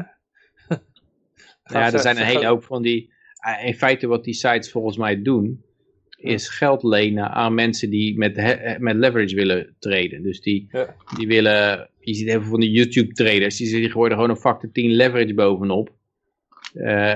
Ja, en soms nog wel meer. Eh, je kan tot 100 gaan zelfs. Nou, dan ben je helemaal snel weggevaagd als het even een dipje heeft. Maar die moeten natuurlijk dat geld lenen om die leverage toe te passen. En ik hoorde ook ja, iemand, zo'n trader die zei, die zit dan ook in miljoenen te traden voor live op YouTube. En die zei ja, eh, ja dat, over een andere crypto trader die al maandenlang in een positie zat. Zegt ja, dat kost hem wel. Als jij, als jij een miljoenen positie hebt, dan kost het jou 40.000 per week om die positie te handhaven. Aan kosten. En dat, dat zijn kosten die je hebt omdat je dat geld aan het lenen bent. En dat zijn in feite, gaat dat naar diegene toe die, jou dat uitlenen. En dat is best wel, eh, volgens mij best wel een goede manier. Ik heb het zelf nog niet gedaan, maar een goede manier om rente uit je crypto te trekken. Want eh, eigenlijk kan je, krijg je gewoon geld van de traders die te ver voor de, die, die er ver voor de troepen uitlopen. Die met een factor 10 leverage handelen dan een, een deksel op hun neus krijgen. En dan wordt de hele zaak geliquideerd in, in jouw leningportefeuille. Dus op zich denk ik dat... eh, en, het, en het is denk niet zo heel veel risico, omdat het allemaal automatisch gaat. Hè? Zodra die positie in gevaar komt en het onderpand niet meer dekkend is voor de lening, dan wordt automatisch wordt de hele positie geliquideerd. Dus ja, als je geen hele rare gaps hebt of zo, en het is 24 uur per dag treden, dus je zou zeggen, je loopt er niet eens zoveel risico mee met zo'n lening. En je krijgt er wel veel rente op. Maar bij mij weten heb je ze alleen niet in euro's. Ik weet niet of een euro stablecoin is. Er zijn alleen dollar stablecoins. Ja, ja, ja. Ik zou het niet eens weten, joh. Dus dan loop je weer een dollar risico. Ja, ja, Maar goed, het eh, contante geld en, eh, en, en eh, spaargeld en zo, dat wordt er allemaal steeds lastiger. Ja. Dat is ook de reden dat mensen denk ik nu al hun geld in, eh, in eh, allerlei dingen stoppen. Om daar maar weg te blijven bij, eh, ja, bij deze, deze perikelen, deze boeterentes zeg maar. ja. ja. Eh, even kijken. Ja, jij had nog iets over zo'n, eh, wat was het nou weer, over de pers. eh, kwam Ah ja, dat was een, ehm, vlak voor de uitzending mee aan. Ja, dames en heren, dit is vers van de pers. Heet Von de Naald. Nou ja, pers, pers, pers, nu.nl. Heet van de naald! ja. Nederland is voor de derde achtereenvolgende jaar een plek gezakt op de wereldranglijst van landen met de meeste persvrijheid. Blijkt uit de persvrijheidsindex van Reporters Without Borders. Inmiddels bezet ons land de zesde plaats in de lijst van 180 landen. Hm. Dus wat je dan krijgt is dat, eh, dat eh, ja, wie staan er bovenaan? Noorwegen, eh, gevolgd door Finland, Zweden en Denemarken. En Costa Rica sluit de top 5 af. Dat valt wel heel erg mee. Op de 180ste plaats staat Eritrea. Hier hebben de media met strenge censuur te maken. Terwijl, als je, nee, in Nederland heeft, heb je absoluut niet met strenge censuur te maken. Geen dat- strenge censuur hebben wij. Eh, het is eigenlijk zo dat de, de gewone pers, die lult zo erg, die, die is zo druk bezig met hielen, met bootlikken, dat ze niet gecensureerd hoeven te worden. En dat is denk ik bij die Scandinavische landen ook het geval. En eh, ja, zo kan je natuurlijk pretenderen dat je persvrijheid hebt. Dat je gewoon, eh, ja, als je, als je even wat afwijkt, dan wordt gewoon, eh, ik bedoel, die, eh die lui van Blue Tiger, die had al te maken had dat hun bankrekening bijna gecanceld werd. Eh, dus als je, als jij Blue Tiger bent of Café Weltsmerts of, eh, of dat jij, eh, die, die, hoe heet die andere, Black, eh, nee, ehm, Black Blackbox. Tiger. Blackbox. Blackbox, ja. Nou, dat is ook, ja, die is ook wel grappig. ja, die doet hele serieuze interviews met, eh, met specialisten, hele goede vragen stelt hij Ziet er ook altijd. En, eh, uit. Heel professioneel, ja. Ja. En uh, ja, die, die komt ook al in de problemen. Die moet ook al uh, het, het hazenpad kiezen. Dat je in Nederland persvrijheid hebt is eigenlijk wel lachwekkend.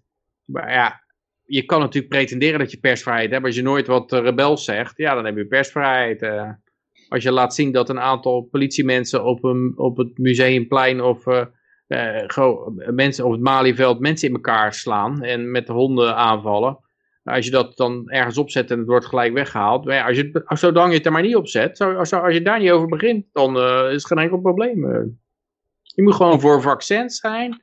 En uh, voor lockdowns. En voor belastingverhoging. En dan komt alles goed. En dan is er echt wel persvrijheid in Nederland. Ja. Oh, de Flabbergast die, die noemt nog even dat, um, dat er daadwerkelijk een, een stablecoin is. waar we het net over hadden. Die, een euro? In euro's, okay. ja. Oké. Okay. Dus even kijken. Uh, state is EUR. Mm. Ja, een euro stablecoin. Dankjewel. Ja. ja. ik vraag me dan af, van, van, maar hoe vrij is dan uh, Finland en Noorwegen en zo? Dat, jij, jij bent toch wel eens in Noorwegen geweest?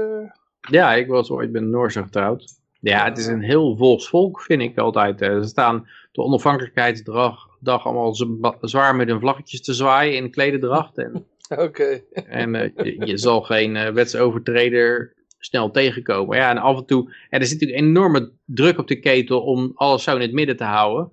Uh, en dat levert af en toe wel eens een anders Breivik op die dat niet trekt. En die dan ja, een enorme slachting aanricht en een bom laat ontploffen. Maar over het algemeen houden ze hun bevolking goed in het gelid. Ik ben in Noorwegen geweest en mijn indruk was dat ze goed bewapend waren hoor, het volk. Dat, uh... Ja, ze, hebben er wel, ze kunnen er wel uh, wapens hebben. Maar um, ja, ik, ik, um, ik zie het niet als een, als een kritisch volk of zo. Of iets wat die nou uh, ja, um, dingen in twijfel trekken of tegen de draad ingaan. Het is zoals veel van die Scandinavische landen een heel harmonisch model, maar ook heel socialistisch. En ik weet bijvoorbeeld in Noorwegen hebben ze iets wat ze dan de Janteloven noemen. En dat krijgt iedere scholier ingeprakt op zijn uh, opleiding. Dat zijn tien regels en die gaan allemaal iets van... Regel 1, denk maar niet dat je bijzonder bent. Regel 2, denk maar niet dat je beter bent dan iemand anders. Regel 3, denk maar niet dat je slimmer bent dan iemand anders. Uh, Dus dat is echt gewoon het maaiveld gelijk al op de school. Wordt dat helemaal vlak gemaaid. Dat er geen sprietje bovenuit streekt. En uh, ja, dat, sommige Noren trekken dat niet en die gaan meestal weg dan. Mm -hmm. Maar dat, dat is wat je wordt ingegoten en dat, uh, dat uh, mist zijn weerslag niet. Dat, hm.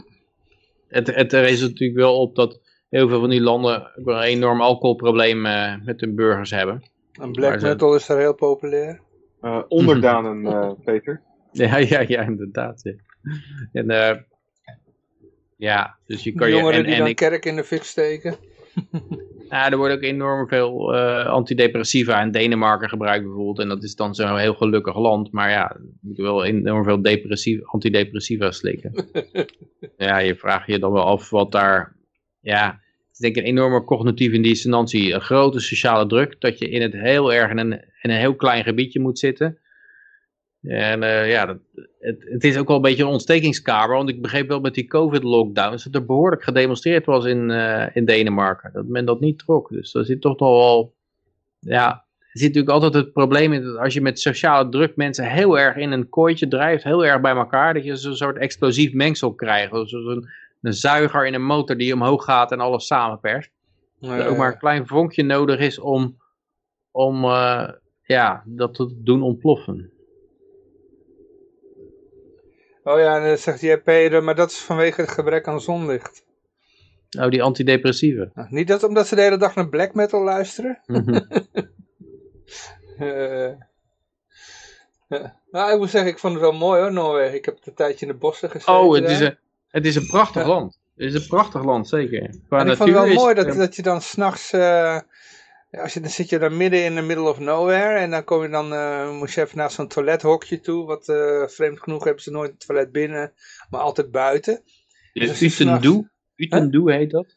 Ja, zo'n gat in de grond. En, mm -hmm. en dan moet je s'nachts in het donker, en dat is dan ook echt pikken donker, hè? dat je letterlijk, je houdt je hand voor je, nou, een, paar eh, centimeter van je ogen af en je ziet je hand gewoon niet. Zo donker is het. En dan eh, loop je naar dat toilet te zoeken. Hm. En, eh, en dan kijk je omhoog en dan kan je gewoon letterlijk alle sterren zien, hè? Dat heb je in Ja. Nederland, heb je dan niet. Maar dan zie je in één keer, oh, oké, daar hebben we de vliegende pan, steelpan of zoiets. En de, de, de kleine en de grote beer. En, eh, normaal zie je die niet in Nederland. Dus eh, nee. is maar zo mooi. qua natuur is het voor Nederlanders is het iets van, ja, mm, ja, mm, enorme bergen en diepe eh, fjorden en Eh, eh, ja, hele stukken waar het uitgestorven is. En, en ja, dat is wel eh, indrukwekkend, zeker, ja. En, en het is ook heel veilig. Qua land is het, is het, ik zag daar ooit een keer dat, ja, de ouders die zetten gewoon hun kind op de bus. En die gaat even naar oma toe. En je moet een stuk met de bus mee. En dat zeggen ze gewoon tegen de buschauffeur, kunnen er even op letten dat eh, Jantje eruit gaat bij eh, dat en dat station.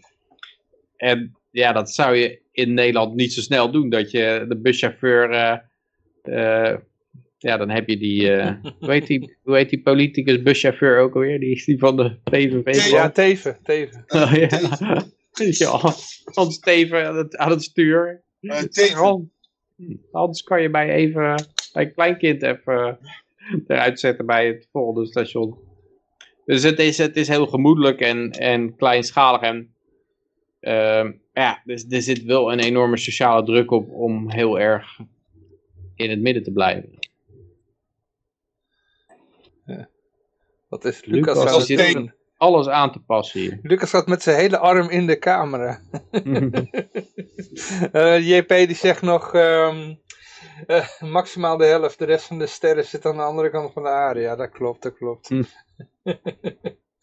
ja. Ehm, even kijken, god, waar waren we? Jezus, man, waar waren we eigenlijk? Ehm, even kijken. Ja, even kijken. Ah ja, en hier wordt ook nog genoemd in dat, eh, zo lang- als jij dat even opzoekt, dit, dan, dan noem ik ook nog even op. Ja. Dat eh, daarnaast worden media door, ook door politici regelmatig afgeschilderd als bronnen van nepnieuws en vijanden van het volk. Dat is, dat, dat is dan als je dus aangeeft dat het eh, nepnieuws is, dat, dan, eh, dat is dan tegen de persvrijheid waarschijnlijk. Terwijl, ja, Project Veritas heeft laatst, hadden ze de technical director van CNN op zo'n Tinder date gelokt. Ja. En die zat daar gewoon te verkondigen, ja, wij hebben gewoon Trump, eh, ja, we hebben gewoon maar verzonnen van alles wat we uh, wel slecht nie- nieuws over hebben, hebben we gewoon maar uit onze duim gezogen. En ja, dat, we hebben nou, we hebben hem eigenlijk aan een verkiezingsoverwinning geholpen. En, en corona begint een beetje af te vlakken, dus we gaan straks verder weer met global warming. Gaan we volop in de global warming. Dat zat hij gewoon te vertellen. Ja, dus als je dan nog zegt, het is, het is nepnieuws en allemaal propaganda. Ja, ja, die vent heeft het gewoon zelf, zit het gewoon zelf toe te geven. Op zijn Tinder date. En hij was daarbij gefilmd ook. Oh joh. Dus ja, ehm, het is natuurlijk koren op de molen voor mensen die dat al lang... En, en als, je, als je een beetje oplette, dan kon je natuurlijk al lang nagaan dat, dat er geen zak van klopte. Oh, stuur maar een keer door dan dat filmpje, hoor. dat willen we wel eens Ja? zien. Ja, ja. Ja, dat hadden ze al eerder. eh, Project Veritas doet dat wel vaker. Die hadden ook een keer zo'n vent. Ook van, ik weet niet of die van CNN was. Of die van, eh, ja, ik was geloof ik ook van CNN, ja. Die zei, ja, Trump, het is, het is al het nieuws over Trump. Het is één grote nothing burger. Over de Russia hoax ging dat. Ja, ja, ja, ja. ja. Dus ze wisten, die wisten Oh, dat is een dat het- medewerker van, eh, van, de, van de DNC, Oh, geloof ik. Ze wisten al dat het een nothing burger was. Ja, ja, ja. Hm. Maar eh, even kijken, het kabinet was ontstemd over eh, activistische coalitie-kamerleden zoals Omzicht. Volgens mij Ja, deed dus- Omzicht gewoon wat een kamerlid behoort te doen. Dus wat Ja. is er activistisch aan? ja, Nee, dat is net zoiets als die, als die vrije pers, zeg maar. Dat je, je moet binnen de lijntjes verven en dan ben je vrij. Zo, je, Eh, net zoals de toeristen die naar, naar, naar- die laatst weer op vakantie mochten naar, wat was het, Gran Canaria toe of zo. Die waren, ja, ze waren vrij om te bewegen, zolang het binnen de perken bleef. en dus je mocht, je mocht vrij bewegen, maar binnen de lijntjes. Zeg maar. Zo'n Zoiets. hè. Dus bij, bij oppositiekamerleden ook. Je mag kritiek hebben, maar je mag alleen maar over bonnetjes beginnen of zo. Je mag niet serieus Oh, ja. aantonen dat er gelogen wordt, dat er, eh, dat er mensen verwoest worden door de overheid of zo. Dat is niet de bedoeling dan. Wel. Nou goed, er is gewoon, en wat ook vooral van je verwacht wordt als Kamerlid, is dat, dat, je, dat je de fractiediscipline eh Ja. beobacht of dat je dat eh, respecteert. Ja, Hm. En eh, ja, dat- volgens mij bij de LP werd er ook zoiets gezegd in die richting. En ook om- omdat, ze geen, omdat je geen gedonder wil in de tent natuurlijk. Dus ik snap dat wel, dat men dan iemand, eh, ja, dat men niet blij is met, ja, met hoe iemand zich opstelt of waar hij mee bezig is. Maar eh, ja. Nee, de- zeker bij omzicht, die heeft die toeslagenaffaire, eh, heeft die, is die dwars gaan liggen. En ja, functie elders. En nou, hij geeft eigenlijk alle ministers aan dat ze van hem af willen. Dat, is, dat geeft gewoon aan van, wij, wij willen gewoon doen waar we zin in hebben. En we willen niet lastiggevallen worden door mensen die, die eraan gaan, in gaan zitten broeten. En dat zag je laatst ook al. Fred Grapperhaus zei dat ook over Koninginnedag. Een heleboel mensen bij elkaar, zei hij. Ja, zoveel mensen bij elkaar, dat moeten we niet willen. Dat is een bekende uitspraak van politici, politici natuurlijk, dat moeten we niet willen. Maar het hele idee wat je verteld wordt over politiek is dat zij de wil van het volk implementeren. Dus dat ze hun, hun oor te luisteren leggen wat de samenleving wil en dat ze dat dan gaan implementeren. Maar hier, die Fred Grapperhaus, die zegt gewoon van, eh, ja, de bevolking die doet niet wat wij willen eigenlijk. Eh, die moeten iets anders willen dan, eh, die moeten, wat zij anders moeten willen is hetgene wij willen. Ja, en dan, dan, dan zit je dus duidelijk in de, een upside-down wereld, waarin de, ja, de overheid zijn wil oplegt gewoon aan de, aan de onderdaan. En ja, dat is, ook, dat is ook eigenlijk natuurlijk wat er precies gebeurt. Hè. Maar zonder de schijn op te houden dat het andersom is. Maar je ziet bijvoorbeeld nu wel BBB, buur, burger, boer-burger-beweging, zie je helemaal opleven. Eh, ook omdat die Caroline, volgens mij heet ze Caroline, eh, dat die gewoon eh, wel ja, gewoon haar ding kan doen en, en geen fractiediscipline hoeft te hebben.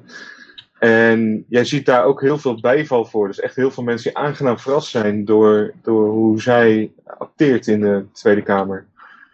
Dus het, het kan ook helpen een partij juist weer populairder te maken. En dat wat er dan de PV, PVV wel eens verweten wordt, dat al die eh, Tweede Kamerleden gewoon laafjes zijn van Wilders. Ja, dat kun je net zo goed als ook van de PVV of van de VVD zeggen. Dat al die mensen die daarin zitten, dat, die zijn dan ook zeg maar de laafjes van, van Rutte. En af en toe mag Bente Becker dan eens een keer wat zeggen. Nou ja, dan eh ga je eens twee over vluchtelingen tot de verkiezingen voorbij zijn. En, eh, maar dat is waarschijnlijk gewoon een opdracht van, oh meisje, ga jij maar even buiten spelen, ga maar even over vluchtelingen hebben, kunnen we misschien wat eh, stemmen scoren. Maar Maar dat BBB klopt niet helemaal wat je zegt, want jij zegt van... eh, want, de- want de omzicht die had in zijn eentje, eh, heeft hij meer, kan hij meer zetels halen dan de hele CDA. ja, Ja, Hm. als er nu Ja, verkiezingen waren. hè? ja, maar als, als, hij was de afgelopen verkiezingen was hij onderdeel van het CDA en Ja, dat heeft het CDA niet geholpen, dus Nee, omdat heel veel mensen toen van het CDA weggevlucht zijn inderdaad. Dus Ja. die hadden wel sympathie met omzicht, maar die hebben toch niet op hem gestemd. Omdat Ja. hij nog bij het CDA zit. Maar ik moet er wel even bij zeggen, als hij voor zichzelf gaat, hè, als het gewoon een eh, lijst omzicht wordt. Ja, maar misschien kan het ook helemaal niks worden, hè? want je moet ook Ja. nog eh, mensen hebben die dan ook op die lijst komen te staan. En Ja, ja. in een hele korte tijd eh, opeens 40 eh, mensen die redelijk capabel en ook redelijk trouw zijn qua Ja. fractiediscipline. Ja, dat is echt niet eenvoudig. Dus dat zal waarschijnlijk ook nooit een succes worden. Nee, inderdaad. Ja. Je kan niet eens zoveel kritische Kamerleden vinden, denk ik. Als je Nee. dat wil vullen. Ook dat nog. Nou ja, als hij, eh, kijk, hij is een dossiervreter en misschien is zijn sociale omgeving zijn ook allemaal dossiervreters. Dus als die allemaal op, de, op die lijst zet, ja. Van van die mensen die dan eh, ja, bereid zijn eh, dat werk te doen wat hij ook eh, doet, hè. Want het, is wel, het gaat wel een hoop tijd in zitten. Wat om zich doet. Ja, ik denk dat, dat dat soort... Je had toch bij de EU had je ook zo eentje, die eh, Paul Tang of zo was dat? Hm? Paul van Buitenen. Paul van Buiten, ja. Ja. En eh, ja, die gaan dan even tegenin. Dan maken ze een hoop naam voor zichzelf. Hacker, sluiter, of uh, hoe heet het, whistleblower en, en de klokkenluider. En, en het is, ehm, ja, daar maken ze een naam voor zichzelf. En ja, dan krijgen ze een of andere dikke functie. En dan hoor je nooit meer wat van ze. En, dan, dan, dan, en dat is natuurlijk, dat is eigenlijk het plata o plombo idee van de overheid. Hè? Dat, ja, je hebt die Glenn Greenwald. En uh, die is een beetje vervelend. Die heeft Snowden heeft hij naar buiten gebracht. En uh, een beetje luis de pels en kritisch zijn en zo. Weet je wat we doen? We halen een miljardair van stal. Die Pierre Omidyar van eBay. Die geeft gewoon een paar honderd miljoen of zo. En dan mag hij zijn eigen nieuwsorganisatie beginnen. Intercept. En nou, kan je lekker aanklooien.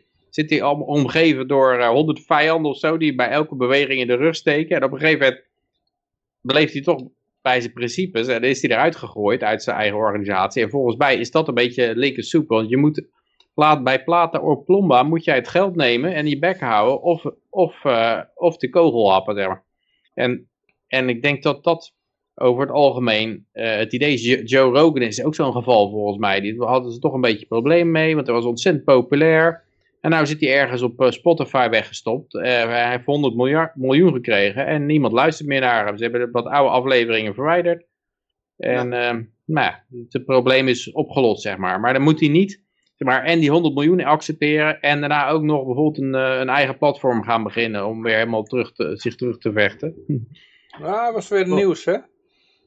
Weet je, moet, had, wat kritische dingen over vaccins geroepen. Mm. Zelfs, Joe, zelfs Fauci ging zich ermee bemoeien. Ja, in de uitzending met uh, Dave Smith was dat. Uh, Ja, ik Dave Smith altijd het, is het altijd het interessantste eigenlijk daarin. Dat is de NCAP die, eh, die, die keiharde, heldere principes heeft.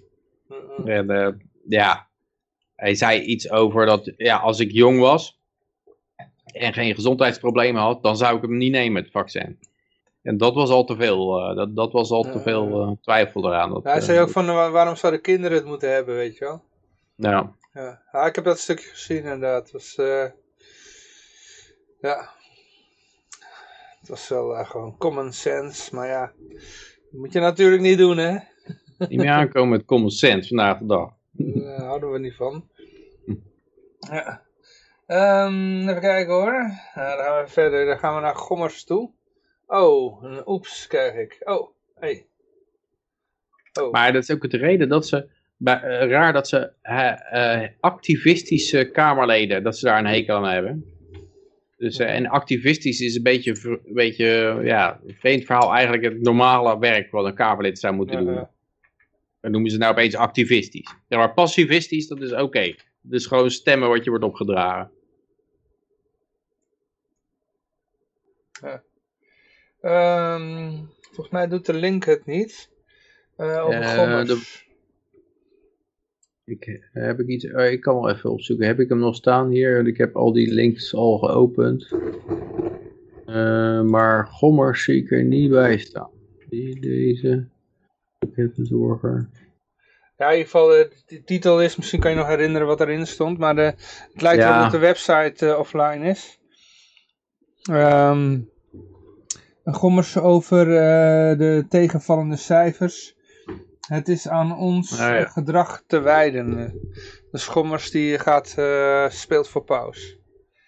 Ja, inderdaad, die website die is, eh, die, de ding is weggehaald. Maar het hele verhaal is van die gommers, wat je, wat je kan verwachten bij corona. Hè? Dus dan, dan gaan de, de cases omhoog en dan zeggen ze, ja, jullie hebben je niet goed aan onze regels gehouden. Als je nou goed en netjes aan onze regels had gehouden, was het allemaal goed gekomen. Maar ja, als je dat niet doet, dan, eh, dan kan je dit verwachten. En, en dat is een beetje het idee van, eh, van eh, ja, als je aan mijn regels houdt, dan zal de regen vallen en dan is onze oogst gered. En dan valt de regen niet. Dan je, ja, maar jullie hebben je niet helemaal aan de regels gehouden. Want ik had 26.000 tegenstrijdige regels opgegeven, waar je aan moest houden.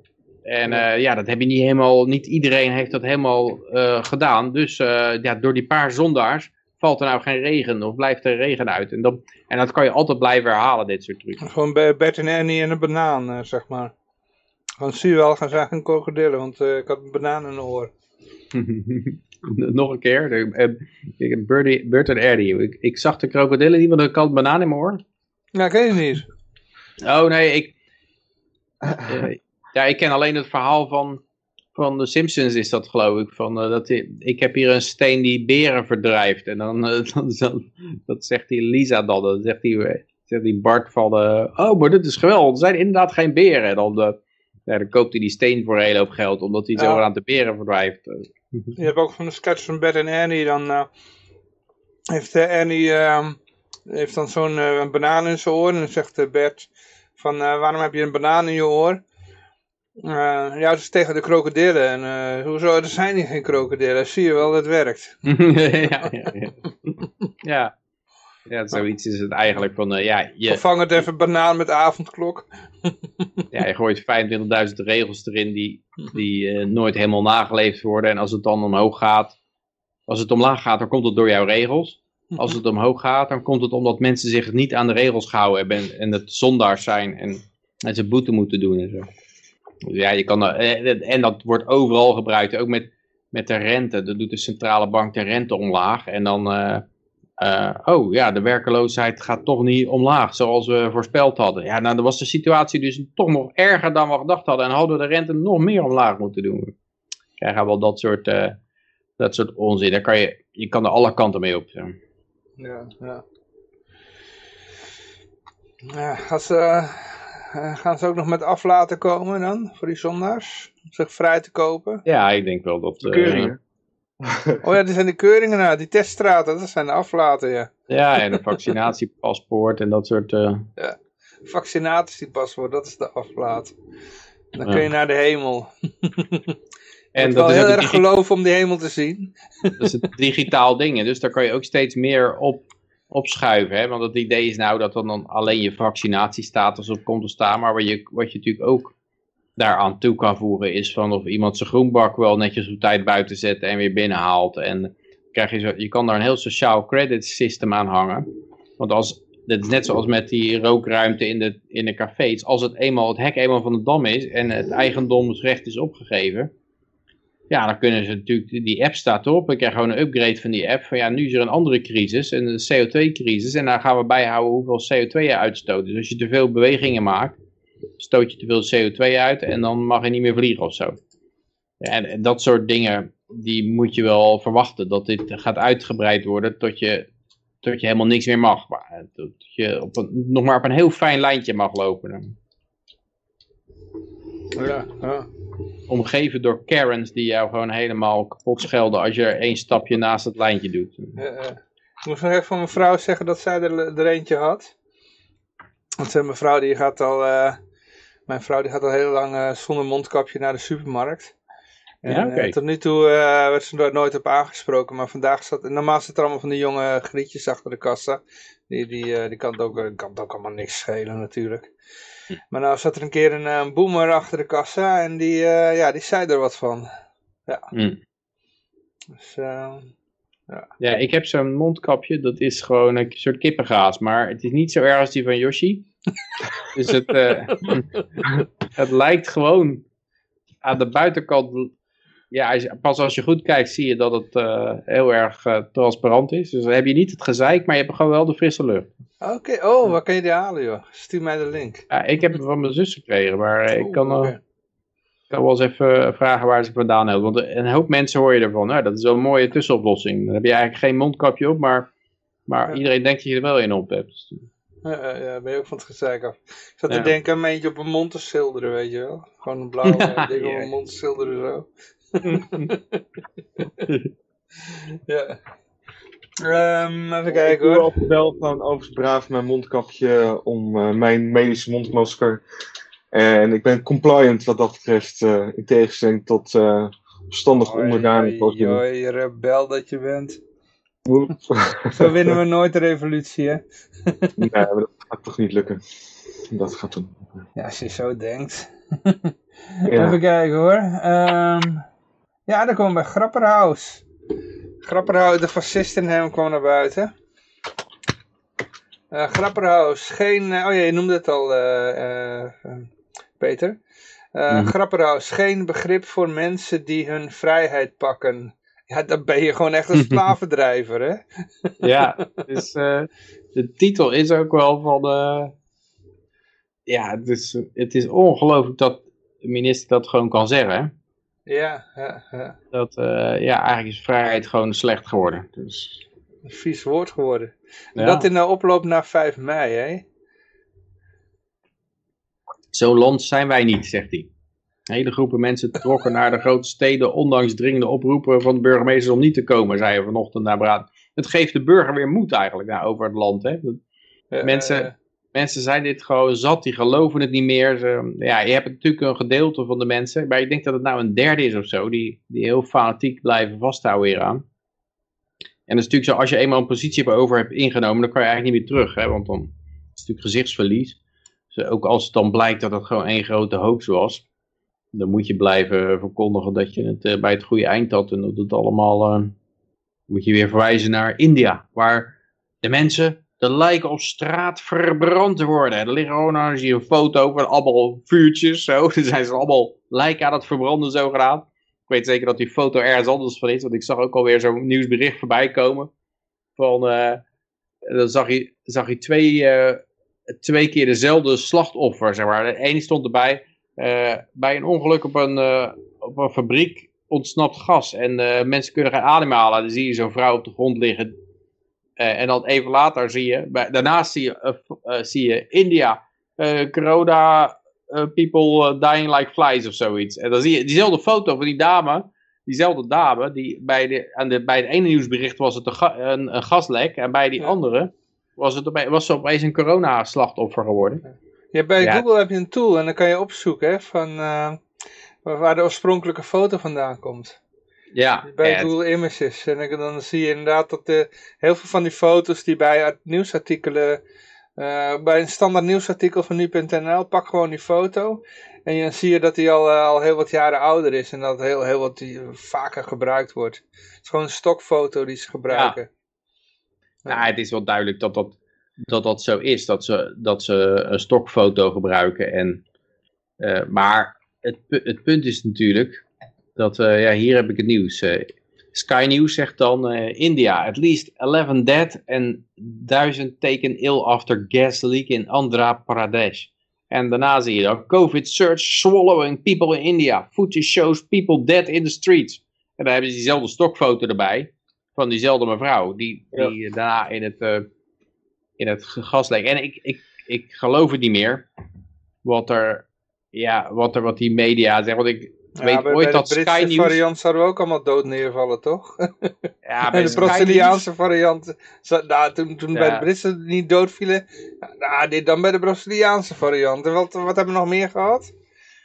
Ja, de Zuid-Afrikaanse variant. En, en de, nou is er de double mutant string en de triple mutant. Variant. Yeah, right. Ja, ik vond die foto overigens van die, me- die mevrouw die die, eh, die, die eh, driewieler in werd getild, vond ik niet de meest sterke. Want eh, die taxi die leek er wel heel erg op, alleen je had niet echt unieke identifiers. En de achtergrond was heel anders. Dus ik, ik vond dat een beetje een dubieus voorbeeld. Maar er stond nog een andere foto in, in het artikel wat ik had gelezen. Die was wat overtuigender dat die hetzelfde was en dat die ook voor verschillende events gebruikt werd. En ook al die mensen die dan gecremeerd werden op straat. Ja, dat gebeurde voor de COVID er kwamen ook al. Dus dat, dat- Ja, en van die foto kan ik niet zien of dat werkelijk crematies zijn. Of dat gewoon wat vuurtjes, eh, mensen die Ja. wat vuurtjes aan het stoken zijn. Nou, gooi ik bij Google Images eh, erin, bij die search tool. En dan kan je zien hoe vaak die foto in vroeger al gebruikt is.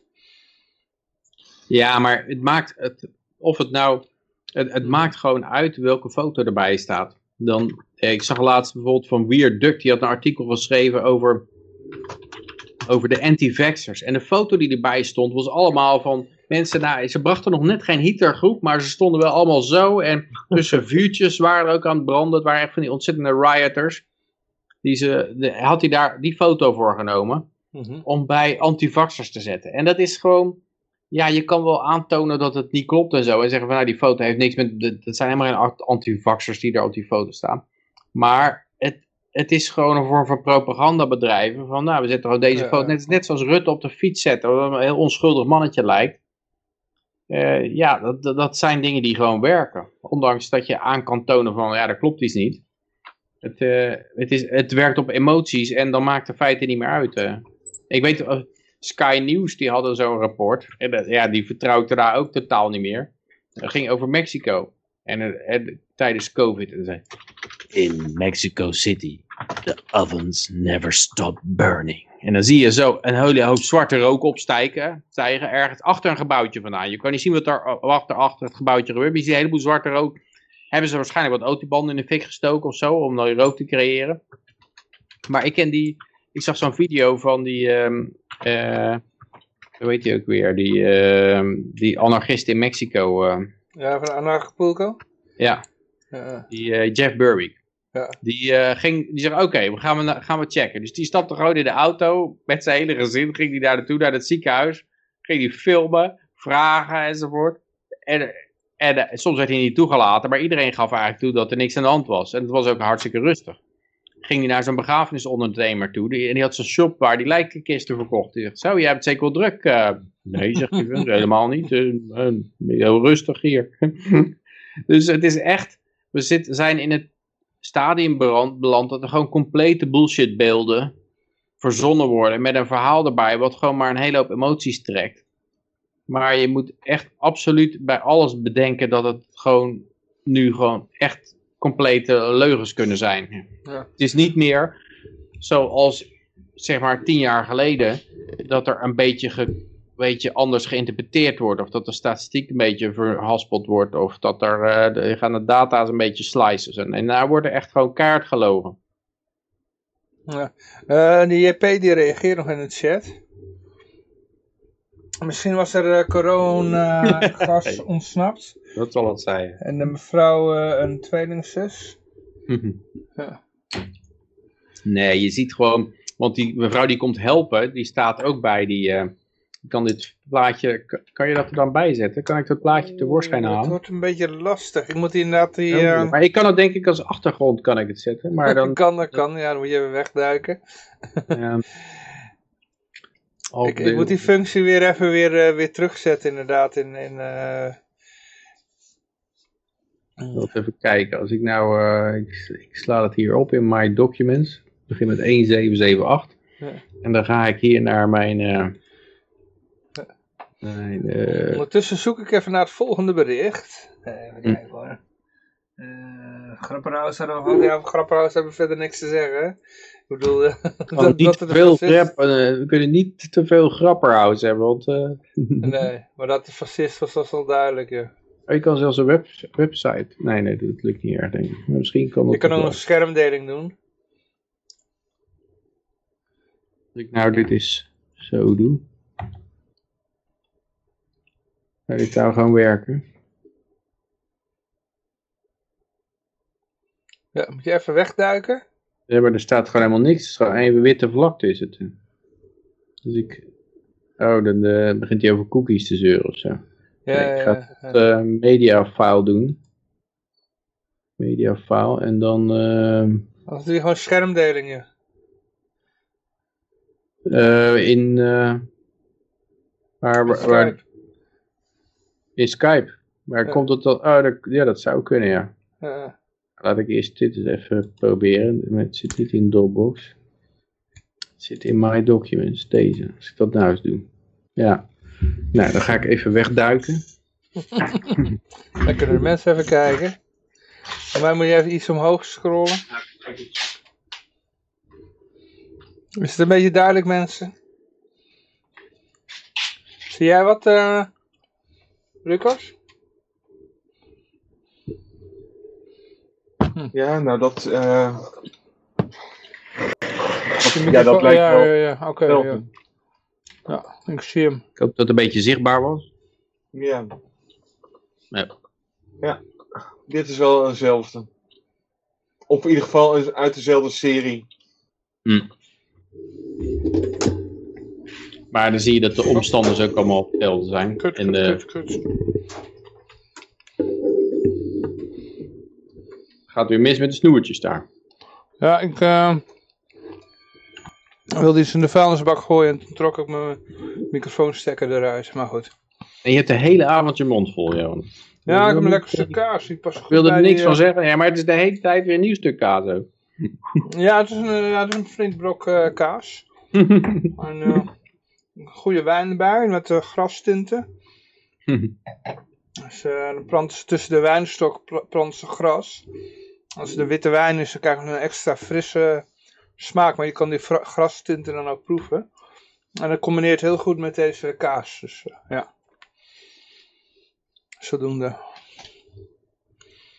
Maar ja, goed. ehm even kijken. Fietsen. Oh, nou, met al die ellende in Nederland. Met dit soort mensen als eh Grapperhaus aan het bewind. Ja, dan wil je als Nederland toch wel eh, de vrijheid opzoeken. En nou hebben ze nota bene bij de Wit-Russische grens een vluchtende Nederlander opgepakt. Die denkt nou, Wit-Rusland, daar is er nog vrijer, hè? dus laten we daar naartoe gaan. Ja, het is wel mooi dat hij was op zoek naar een beter leven. Ik heb een Wit-Russische collega, dus ik had het al hem laten zien, maar hij had het gisteren al gelezen. Ik moest er hard om lachen. Nou ja, het kan zijn. eh, kijk, er zijn ook plekken in Rusland waar eh, op zich gewoon eh, heel weinig mensen wonen. En eh, waar je relatief vrij kan leven. Tot je te gortig maakt natuurlijk. En eh, het kan zijn dat hij naar zoiets op zoek was. Dus, Nou, maar kijk, in, Wit, in Wit-Rusland was er geen lockdown. Hè? Die, die Lukashenko die zei, eh, bekijk het maar met je lockdowns. Ja. En hij, Ja. zegt zo, hij zei zelfs dat hem geld aangeboden was, dat hij dat weigerde. En eh, dat hij niet aan lockdownen. En, en hij zei ook recentelijk dat er een, dat er een aanslag vereideld was op hem. En ja, dan moet je toch een beetje terugdenken aan die, wat was het nou, die Tanzaniaanse president? Ja. Die, eh, die, die de PCR-test had gedaan op een geit en een meloen.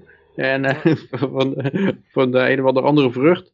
En die kwamen positief terug. En toen zei hij eigenlijk van, nou, eh, dat zegt ons helemaal niks, die PCR-testen. En, en dat is nou recentelijk, ik geloof dat in, in Zweden en in Portugal heeft de rechter gezegd van, ja, je kan er geen dia- diagnose mee stellen. Je mag geen diagnose stellen met een PCR-test. Wat de uitvinder daarvan ook al zei. En eh, dus ik kan me voorstellen dat deze Nederlander dacht van, hé, hey, geen lockdown in Wit-Rusland, ik ga naar Wit- Wit-Rusland toe. Dus die was, de fiets had hij gepakt, dan was hij eh, op weg naar Wit-Rusland. Maar ze hadden hem al lang in de smiezen. Met, eh, en toen, eh, toen werd hij, eh, werd hij eh, gestopt en dan mag hij vijf jaar Wit-Rusland niet binnen. Wat wel grappig is eigenlijk, want als ik hun was geweest, die Wit-Rus, had ik daar grote, ja, een grote PR-stunt van gemaakt. Hè? Ja, we verlenen jou politiek asiel en eh, kom maar even voor televisie vertellen hoe erg het is in Nederland, hoe blij je bent dat je in Wit-Rusland zit. En, eh, ja, maar volgens mij Ja. als het gewoon naar de ambassade was gegaan, dan was er niks aan de hand geweest. Ja, aan de andere kant las ik ook wel een eh, interessante. hey Lucas, weet, dat je, weet je dat je camera jou niet in beeld geeft of eh, vertellen we je wat nieuws dan? Eh, oh, dat is wel prettiger, toch? Ik zie de hele tijd een, een, eh, iets Ja, over airfryer zag ik staan. eh. Kookboek voor air, airfryer. Heb ik een kookboek over een airfryer? Dat was helemaal een man van de verbaasd. AIVD, per ongeluk had, had, had, had dit beeld van zijn camera doorgegeven. Oh ja, dan had hij het omgedraaid naar de achterkant. Nee, ik had wel ook nog iets eh, gelezen vanmiddag. En dat, kon, dat zijn van die mensen die hebben ook met het leger en veiligheidsdiensten, dus AIVD te maken. En die zeiden ook van dat het ook nog wel een spion eh, kon zijn. Die dan gewoon probeerde om eh, fietsend naar Wit-Rusland te gaan. En dat het een beetje een kansloze poging was. Als er echt een AIVD'er zou zijn. eh, dat hij dat op deze manier probeerde. Ja, ik heb niet het idee dat de echte spionnen dit zo doen, maar ja. Nee. En Ik ik heb kan gewoon zelf, als student of zo, of met een, met een eh, NGO-visum of zo, of dat soort dingen. Liefdadigheidsorganisatie. US Aid. Ja. Dus, Je- JP reageert nog in de chat. Hoor, Rusland heeft ook... eh, Een systeem Ja. dat mensen een stuk land kunnen krijgen ergens in Siberië. Ja, en Zuid-Afrikaanse boeren hebben hier gebruik van gemaakt. Ja, op zich, als Zuid-Afrikaanse boer, ja, dat, dan eh, kan je maar beter het hazenpad nemen inderdaad. Want dat, eh, dat lukt je niet om dat te verdedigen. Ah, ook in de Krim Ja. trouwens. Ik ken, ken iemand die... eh die zat erover te overwegen om daar naartoe te gaan. Oké. Ja, Siberië is volgens mij niet zo'n eh, geweldig landbouwgebied. Dat is een hele zware klus. Ja, vooral de winter is lastig. En wintertarwe, dat redt het daar ook niet. Nee. Dus, eh, Maar misschien straks wel met de opwarming van de aarde is het wel een goede investering. ja, ja. Als je daarop eh, moet geloven, dan... eh. Maar ik ben twee jaar geleden was ik ook eens een keer vlak tegen de Russische grens aan, dat, bij dat eh Kaliningrad eh, gedeelte. En dat was dan vanuit Polen. En toen eh, was ik een kilometer of anderhalf kilometer was ik zo richting Rusland gelopen over een zandpad. En toen hebben we ook even bij de laatste slagboom voordat je echt bij, het, bij de grenspaal kwam. En eh, toen, ja, er was ook helemaal niks te zien. Je kon best wel, je kon gewoon doorlopen en dan was je in Rusland. Maar toen waren we weer teruggelopen en er kwam toch zo'n douane, Poolse douanegast kwam eraan. En die lichtte mij en de kinderen wel echt helemaal door. Dus ze waren wel echt. eh ze vroegen: wat heb ik daar gedaan? Ik zeg: nou, ik heb alleen maar. Ik wilde een foto van de grenspaal maken. Dus hier, Mhm. eh, samen met de Ik heb kinderen. Alle stoelen geplukt. ze waren wel echt eh, serieus aan het checken van wat ik daar aan het doen was. Dus ze zijn er toch wel. Blijkbaar hingen er toch wel camera's of zo dat ze naar mij toe kwamen. JP denkt dat, dat dit een Russische spion was die op deze manier naar Nederland is gesmokkeld, ja. Oh, dat kan ook nog. Ja. Maar ja, ze werden dus wel gewaarschuwd door de Litouwse grenspolitie of de Litouwse autoriteiten. Dus dat, dat was wel heel raar. Ja. Dus dan was hij daar ook al mogelijk, eh werd hij gesurveilleerd. En er werd een fietsende veertiger, kwam vanuit Litouwen aanzetten en meldt de Wit-Russische politie. Hij wordt het land uitgezet en is de komende vijf jaar niet meer welkom. In Litouwen bleek de man al gestopt te zijn door de veiligheidsdiensten van het land. Waarop, daarop werden de collega's in Wit-Rusland ingelicht. De man verstopte zich aanvankelijk in het bos, maar werd gevonden en gearresteerd. Op de foto is te zien hoe hij lang uitlicht. Dus de foto is ook echt van hem. Het is niet een stokfoto. Ja. In afwachting van zijn lot. De man zei dat het overstak omdat hij op zoek was naar beter leven in Wit-Rusland of Rusland. Het merkwaardige incident vond zondag plaats. Waar de man he- precies helemaal vandaan kwam fietsen is niet duidelijk. Ja, ik zou, ik zou gewoon zeggen dan van ja, ik was op zoek naar de prachtige mooie vrouw in Wit-Rusland en, eh, en de geweldige persvrijheid die er is. En eh, als je zo'n verhaal hebt, dat is, dan moeten ze toch op happen zou je zeggen. Ik ken... eh, Nee, maar wat, wat als hij nou een ondernemer was en die zei van nou, ik kom belasting betalen. Ja. En, eh, ja. Zegt, van, de belastingen zijn we te gortig geworden. Je kan zo 600 voordelen, voorbeelden opnoemen waarom Nederland ondraaglijk is om in te leven. Ja. Dus dan, eh, ja, dan, eh, Maar als je dat ken een, opzomt. een vriend van mij, die, eh, die, doet, al- die, ja, die, die zit dan meer op de racefiets dan en niet op zo'n fiets als wat hij heeft. Het is een beetje zo'n eh, modelletje opa fiets zonder versnelling, hè.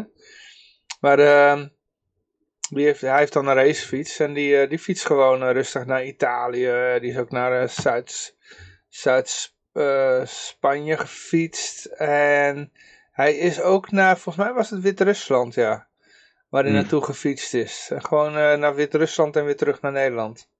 Hmm. Dus, eh, Ja, ja, niet die- zonder risico qua... qua maar dat, dat voor hem was toen geen probleem, maar dat was een paar jaar geleden hoor.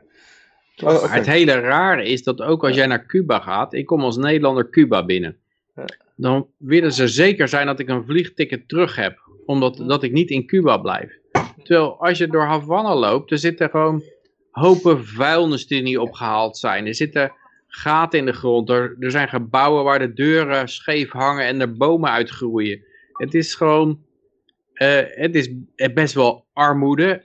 En ja, als je westers geld hebt, ze hebben er twee valuta dan voor, voor, voor onderdanen en voor toeristen. En als je toeristen geld hebt, dan kan je wel, eh, heb je wel iets beter leven. Maar dan is het en niet dat het dan spotgoedkoop is of zo. Maar in principe is het vreemd dat de douane daar zeker wil weten dat je weggaat. Want op zich lijkt het heel onlogisch dat je daar blijft. Maar, maar alle douaniers hebben het idee dat hun land, waar zij de grenzen van bewaken, gewoon helemaal te gek is. En dat iedereen daar dolgraag binnen wil komen. En dat lijkt natuurlijk ook zo. Als je kijkt naar eh, al de toeristen die zij voorbij komen, die komen allemaal binnenzetten. Die willen allemaal graag naar binnen toe. Dus, ehm Ja. leugens, Peter zegt, zegt JP, op Cuba is iedereen dokter. Eh, ja, dat was niet mijn ervaringen. Ja, dat zegt wat over de kwaliteit van de gezondheidszorg dan. Als Ja, er wordt altijd gezegd dat de gezondheidszorg daar super deluxe is. eh, Maar Ja, dat is, eh, dat is door Michael Moore verzonnen, die daar in een van een Potemkin ziekenhuis is rondgeleid. Maar Stossel die was toch ook, eh, John Stossel was toch ook in zo'n ziekenhuis? En dat Mm. was echt, eh, dat zag er schrijnend uit, joh. Dat was echt, Echt een ziekenhuis, ja. ja. ja maar ik, ik zat daar in een parkje. Toen kon dus een vent op mij afzetten. Zo- Zo'n zwerver. En die had een, een voet die was zo opgezwollen dat je het aantal tenen niet eens meer kon tellen. En die wilde geld hebben om naar het ziekenhuis te gaan. En, en twee dagen daarvoor hoorde ik een Amerikaans meisje in de Casa Particulière. Die ook een kamertje huurde daar. Die zei van ja, de gezondheidszorg in Cuba is helemaal geweldig. Die had, die had een foto gezien van, film gezien van Michael Moore waarschijnlijk. eh, En die had dat als voor waar aangenomen. En kennelijk had ze de realiteit ge- genegeerd van mensen die daar met een, met een voet rondlopen die, die geen tenen meer heeft. ja, En plus dat, kijk, het is natuurlijk ook een beetje raar dat als je daar als toerist rondloopt, dan word je over het algemeen niet lastiggevallen. Maar als je dan eens wat beter kijkt, dan zie je dat als vrouwen daar alleen lopen, dan worden ze gewoon opgepikt, omdat ze dan eh, misschien prostituee kunnen zijn. En eh, ja, je ziet dat lokale bevolking hun, hun veiligheid een stuk minder zeker, eh, zeker zijn dan een toerist. En dat kan ertoe leiden dat je als toerist eh, dat, ja, dat, dat je een beetje een verkeerd beeld krijgt. Maar het is natuurlijk wel zo, als toerist moet je nog, ruik je nog steeds de bende vuilnis die er af en toe eh, op straat liggen. En je ziet nog steeds die gebouwen die uit elkaar vallen en waar bomen uitgroeien. En, en, en, en je kan ook best de armoede wel zien. maar ja, misschien is dat wat moeilijker dan. Ja. Waar ik wel verbaasd over was in positieve zin, was dat ik altijd dacht dat het allemaal vol, eh, op de straten daar vol waren met Lada's en oude Amerikaanse auto's. Maar eh, dat, eh, dat het helemaal niet zo is. En dat het gewoon best wel moderne, of modernere auto's zijn dan alleen die oude Lada's. Wat ik altijd dacht, omdat dat gewoon altijd voorgeschoteld werd. Ja, dat ik heb wel een hele hoop van die dat- oldtimers gezien daar. eh, maar dat Ja. komt omdat ze volgens mij een boycott hebben gehad en niks konden importeren. En toen hadden ze, zaten ze vast aan auto's van een bepaald jaar. En die hebben ze heel goed onderhouden om rijdend te houden. En, eh, die, die zie je, en, en die worden nou gebruikt voor toeristen om rond te rijden. Maar we nemen even een, een zijspoor richting Cuba nou. Maar ik zat, eh, ik had een zo'n zo'n leraar Engels. En die, die vroeg zich af waarom zo'n zo'n headsetje, zeg maar, waar je, waar je anderhalve euro voor neerlegt. Waarvoor hij daar een maand moest werken voor zo'n headsetje. Dat is gewoon zo'n zo'n dingetje aan een koordje, zeg maar. Die, die, die, die, zijn, die kosten niks. En, eh, en toen bedacht ik mij dat, ja, als jij hier met zo'n antieke auto toeristen rondrijdt, dan krijg je gewoon wel 40 dollar per uur. eh. nou, dan heb je natuurlijk een hoop onder, eh, onder, onderhoud nog nodig aan je, aan je, aan je barrel om het in de, in de aan gang te houden, om het mooi te, mooi te houden. Ja, Maar geen wonder wel- dat je veel meer verdient aan, aan toeristenindustrie dan aan eh, Engelse lesgeven eh, in een overheidsbaantje. Dan krijg je dus inderdaad je, je reistrantsoen en genoeg geld om één keer per maand een headset te kopen. Aan de andere kant, eh, met die 40 dollar die je dan misschien kan verdienen met een uur of twee uur toeristen rondrijden. Dat betekent nog niet dat je ook zo'n headset kan kopen. Want als het gewoon niet geïmporteerd wordt of niet gemaakt wordt, Ja. Dan gaat dat gewoon via de zwarte markt en is het gewoon iets duurder dan, eh, dan als. eh, of dan is het gewoon duurder. Hm. En het is alleen goedkoper als er ook in Cuba waarschijnlijk van die headsets worden gemaakt. Dan is het wel weer goedkoper. Maar als- Nou ja, dat is niet zo, denk ik. Nee. maak alleen maar sigaren. Mm, Zijn, ja, niet, zijn niet eens en zulke goede sigaren. hè? Maar dat gezegd. Cubaanse sigaren zijn goed, maar eh, rook ze maar eens. Oh man. Sigaren zijn sowieso altijd een beetje zwaar om weg te... Nou, nee, weg neem te- gewoon de Hollandse sigaar, joh. de Justus van Maurik. Ja, echte Hollandse sigaren zijn, zijn veel beter. Maar ehm, even kijken hoor. Eh, even kijken, waar waren we? Ik weet Fietsende Nederlander waar we gebleven. Ja, fietsende Nederlander, hè. Ehm, komt bij de forse, forse stijging. Even kijken, forse stijging van, oh jee, paywall. Iets met woningen. Woninginbraken. Forse Ja. stijging woninginbraken verwacht. Eh, Het eh, risico woninginbraken neemt toe. Inbrekers gaan snel weer massaal op het dievenpad, nu de versoepelingen zich aandienen van de, en de avondklok verdwijnt. Dus kennelijk, kijk, dan denk ik even, als ik dit zo lees, dat die, dat die dieven, die woninginbrekers, die denken dus, ik ga vanavond de woning inbreken. En dan opeens denken ze, oh shit, dat kan niet, want eh, het is avondklok. Dat mag niet. Dan mag ik de Nou, straat niet op. Net, net één regel verder. Ik heb wel een abonnement eh, op de Telegraaf. Daar is... Oh, oh, oh. Ja, daar Daar- stond een, Oh, verklaring die oh, wat oh, beter wat past. ken hè? jij? Allemaal reclame of zo? Nee, maar dan kun je, net, dan kun je door die paywall heen. Maar Dan daardoor moet je bewoners cookie-meldingen heen klikken. Nee, nee, nee. Oké, oké. Daardoor zijn bewoners vaker van huis. En dan kunnen ze dus vaker toeslaan. En voorspelt een dubbel, verdubbeling van het aantal doorbraken. Of inbraken. En eh, helemaal vanaf woensdag. Als we gaan winkelen, terrassen bezoeken. Die tot eh, zes uur open zijn, maar goed dat terzijde. Moeten ze dus middags gaan inbreken. Dus, voor Ja. zes uur, moeten ze voor zes uur klaar zijn met inbreken. Ja, ik zie het plan nog steeds niet helemaal wel werken. Dit doet een beetje aan die, aan die vuurwapenwetgeving denken. Van, nou, als we vuurwapens verbieden, dan zijn er geen vuurwapens meer. Als we drugs verbieden, zijn er geen drugs meer. Als we dat Ja. weer vrijgeven, ja, dan krijg je ontzettende berg drugs en vuurwapens. Inmiddels is, maar dat is nog, want we zijn net van die avondklok af. Inmiddels is het inbraakniveau voor het eerst sinds oktober weer even hoog als in het voorgaande jaar. Dus ondanks die avondklok was het al Omhoog gegaan. weer geworden. Ja, het komt ook, is ook logisch, want mensen zitten zonder geld. Die inbrekers zitten natuurlijk op een gegeven moment, hebben ze geen geld meer. En dan eh, Nee. moet het toch ingebroken worden, avondklok of niet. Ja, als mensen liggen te slapen, gaan ze gewoon inbreken. Jo, Nou, je zit nog steeds te eten, wel- man. Hoe groot is dat blok kaas wel niet? Hmm. Gelukkig, hebben- eh, gelukkig heeft de politie wel laten zien dat ze daadkrachtig kunnen optreden tegen allerlei eh, verbrekers van allerlei regels. Eh, dus ik, de verwachtingspatroon is bij mij heel hoog. Dat de politie ook dit gewoon even gaat eh, onderdrukken en zorgen dat die inbrekers geen kans krijgen. Al die boa's, die zijn toch nog gewoon, die hebben nog een baan. Dus die kunnen gewoon rond blijven lopen om die inbrekers dus tegen te houden. Nou. Ja, maar dat zijn boeven ontwijkende agenten. Dus die gaan er nooit die mensen die gaan ontwijken. Dus die kunnen, boeven kunnen gewoon doorlopen. JP die zegt dus, inbrekers houden zich niet aan de wet als het om inbreken gaat, maar wel als het aan de avondklok gaat. Ja, dat, dat was een beetje inderdaad eh, het gevoel dat je erbij krijgt, als je niet verder door kon lezen. Maar eh, het is inderdaad zo dat, eh, dat eh, het verhaal is dat mensen veel thuis zijn en dat, dat, dan, en dat ze dat dan straks niet meer zijn. Maar eigenlijk kan je nog steeds alleen maar thuis zijn, want s'avonds is er geen terras open. En je mag niet meer met één persoon op bezoek gaan of zo bij eh, een ander huishouden. Dus eh die inbrekers moeten nog steeds, moeten er even op houtje bijten, houtje bijten die inbrekers. ja, of een baan zoeken. Of Of, Eh, met- wat wij een als c- maatschappij, corona-overbruggingskrediet. Ja. ja, of als maatschappij makkelijker maken dat mensen geld kunnen verdienen. Dat, maar dat is een oplossing, dus dat, dat, dat, nee, dat telt niet mee. Nee. Nee, nee, Oké, volgende item. Door een politiemotor geraakte voetganger overleden.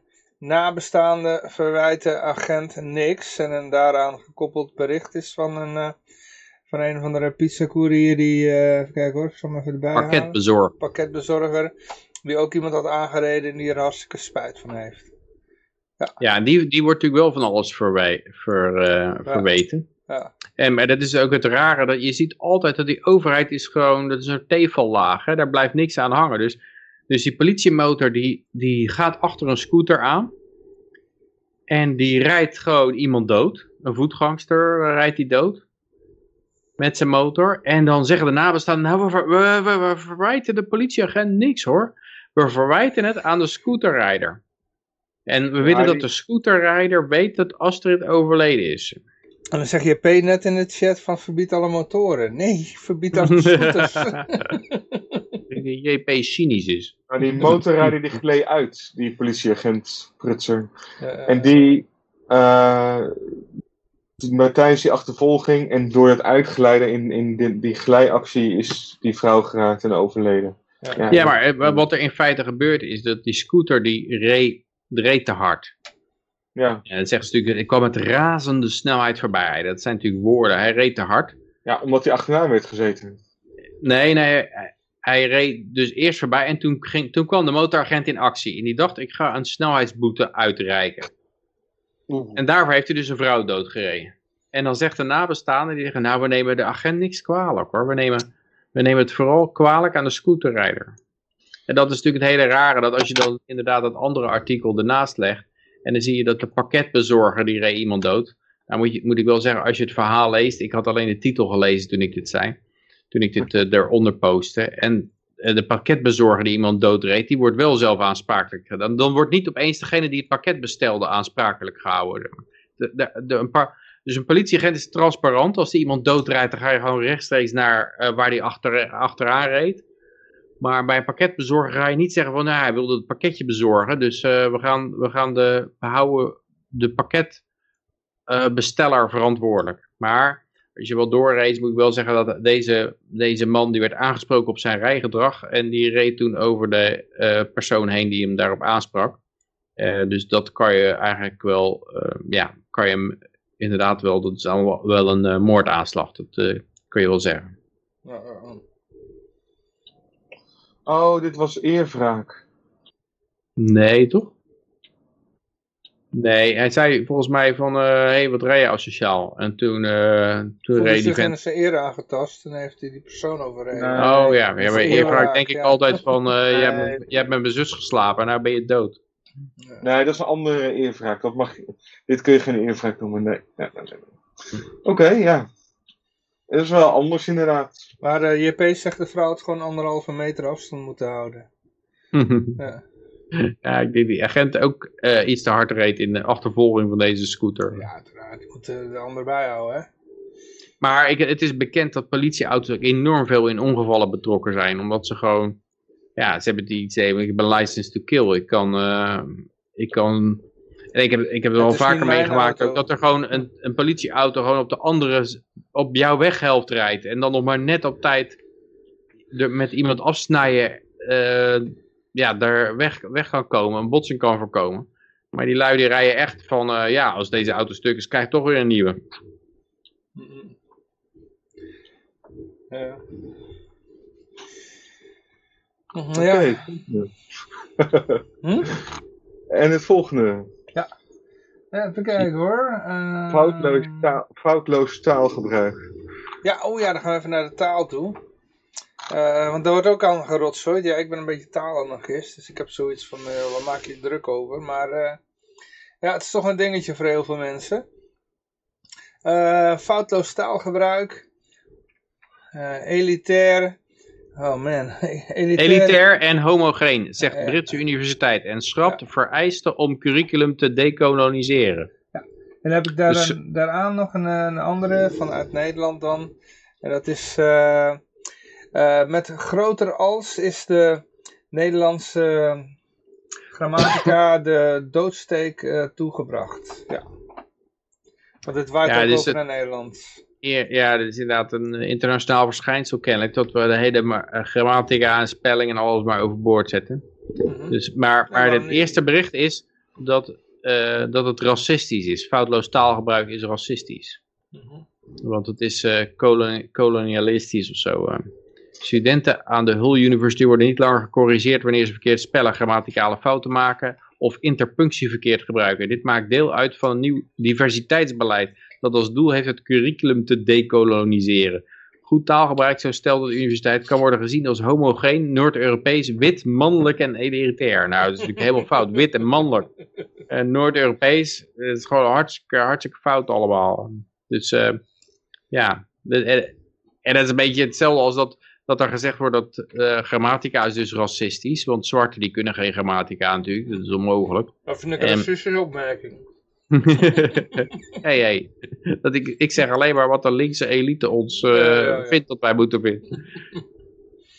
en, uh, en, en eigenlijk wat Biden laatst ook zei, hè, van ja, het vragen van een identiteitsbewijs voordat je gaat stemmen, dat is uh, ook racistisch. Want zwarte kunnen geen identiteitsbewijs aanvragen. En, er werd ook al gezegd, je zwarte kunnen niet op het internet iets opzoeken. Dat was ook al... en, dat, dat zijn typisch van die dingen die dan zogenaamd antiracistisch zijn, maar eigenlijk enorm racistisch zijn. Als je zegt dat, dat zwarte het niet lukt om een identiteitsbewijs aan te vragen of het internet te gebruiken, dat is wel, uh, ja, wat voor wereld leef je dan wat. Maar nu is uh, goed spellen, dat is dus ook uh, racistisch, want dat, dat, is elitair en wit en mannelijk. Dus daar moet je eigenlijk vanaf. nou, zeg maar, dit is natuurlijk het, het is een beetje postmo postmodernisme is het, eh, valt dit in. Van er is geen eh, juist en onjuist. Het is allemaal maar opinie. Dus eh, ja, spelling is ook geen juist en onjuist. Het is allemaal, allemaal opinie. En het past Ja. ook bij, bij wiskunde is racistisch. allemaal allemaal toelatingseisen zijn racistisch. Alles wat, wat enige inspanning vereist, dat is racistisch. Want dat benadeelt zwarten die niet zo slim zijn. Dat, dat is eigenlijk wat, wat ze zeggen. Terwijl, dus de nieuwe racist is eigenlijk antiracist. Dat is eigenlijk het eh, verhaal. Net zoals de, als de nieuwe fascist is, ik, eh, komt tot jou als antifascist. Dus het is, eh, het is, hij is, hij is vermomd, de fascist als, is vermomd als antifascist en de racist is vermomd, vermomd als antiracist. Ja, ja, ja. Dus je ziet hem nooit komen eigenlijk. Ja. Heel slim vermomd is hij. Ja. Nou ja, en eh, je ziet ook eh, dat het niet alleen in de context van huidskleur gebruikt wordt, maar ook eh, hoog opgeleid versus laag opgeleid. Eh, los van, van huidskleur. Waarbij mensen die hoog opgeleid zijn, op papier dan in ieder geval, afgeven op mensen die laag opgeleid zijn of niet zo goed met taal zijn en, en daarop mensen, op basis daarvan mensen disqualificeren of aangeven van ik neem jou niet serieus omdat je geen Nederlands kan schrijven. Dat is ook nog een, een dimensie van dat hele, eh, van dat hele onderwerp. En ja, dat zie je natuurlijk ook wel op Twitter, waar mensen die een opleiding hebben genoten, die als, als er geen staatssponsoring zou zijn, nooit een opleiding zouden hebben gevolgd omdat het een totaal onzinnige investering in jezelf is. Maar die eh, zie je dan afgeven. Ja, hun mensen opleiding, die- ja, inderdaad. Die eh, productief zijn, die bijvoorbeeld keihard eh, in, in de bouw werken elke dag. Om, en die, die toevallig geen goede spelling hanteren. En, en dat is een andere dimensie in, in dat geheel. En ja, er, er zijn mensen uit sympathie met ook die kant van het spectrum. Die dan zeggen van ja, wij moeten niet zo drammerig doen over taal. Dus dat zit er ook nog bij. Maar goed, eh, het leukste is natuurlijk, het meest lachen is natuurlijk als het over eh, eh, huidskleur gaat en, en in relatie tot taal. Want dan trek je er meteen weer een extra dimensie bij bovenop taalkundig zijn of niet. Ja. En dat maakt het natuurlijk interessanter, want daar hangen waarschijnlijk meer subsidies aan vast. Nou, je hebt Ja, maar er zit, er zit ook een boodschap in dat inderdaad, eh, ja, zwarte dom zijn of zo. Dat, dat ze, ze kunnen geen wiskunde, ze kunnen geen spelling. eh, dus la- daarom laten we dat hele spelling en wiskunde maar vallen. Ja. Eh, en er zijn dus inderdaad scholen in de Verenigde Staten die gewoon wiskunde maar hebben afgeschaft. Omdat, of, of extra curri- curriculum wiskunde voor hoogbegaafden of meer begaafden hebben ze afgeschaft omdat het racistisch was. Want er zaten alleen maar blanken en Aziaten of zo. Ja, maar dan gaat je waarde van je diploma ook meteen achteruit. Dus eh, Ja, ze straffen de kinderen daar gewoon enorm mee als, als scholen dat gaan doen. ja en je het samenleving al, gaat er ook op achteruit natuurlijk. Het waait al Ja. over naar Nederland, hè? Dit. Ja, je vraagt je af in hoeverre dat... eh, Nou, ze hebben dit, wat we er net over hadden, dat willen ze nu al bij de examens gaan invoeren. Dus dat wordt al gezegd, er waren al meerdere artikelen. Ik heb ze niet allemaal eronder gepost, maar er werd al gezegd van, eh, dat we dit maar bij de komende examens moeten gaan doen. Ja, ja, ik denk dat op een gegeven moment alles wat door de overheid in voorzien wordt, wordt waardeloos. Dus gezondheidszorg, als de overheid dat doet, wordt het waardeloos.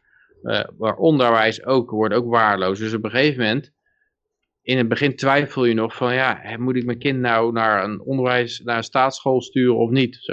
En ik denk dat, dat uiteindelijk is het gewoon aan iedereen duidelijk dat, dat je er helemaal niets uit krijgt, er veel voor betaalt. En niet alleen niets uitkrijgt, maar dat ze er gewoon retarded afkomen met, met knettergekke ideeën. Helemaal hun brein ge, samen vervormd door critical race theorie of zo. En dan eh, en, en nog een hoop geld hebben uitgegeven. Dus je geeft een hoop geld uit om iemand zijn hersenen te vernietigen. Ik denk dat het daar uiteindelijk op, op uitkomt. En dat die keuze ook steeds makkelijker wordt van wat je, dat, je, dat je je kinderen daar maar niet naartoe moet sturen.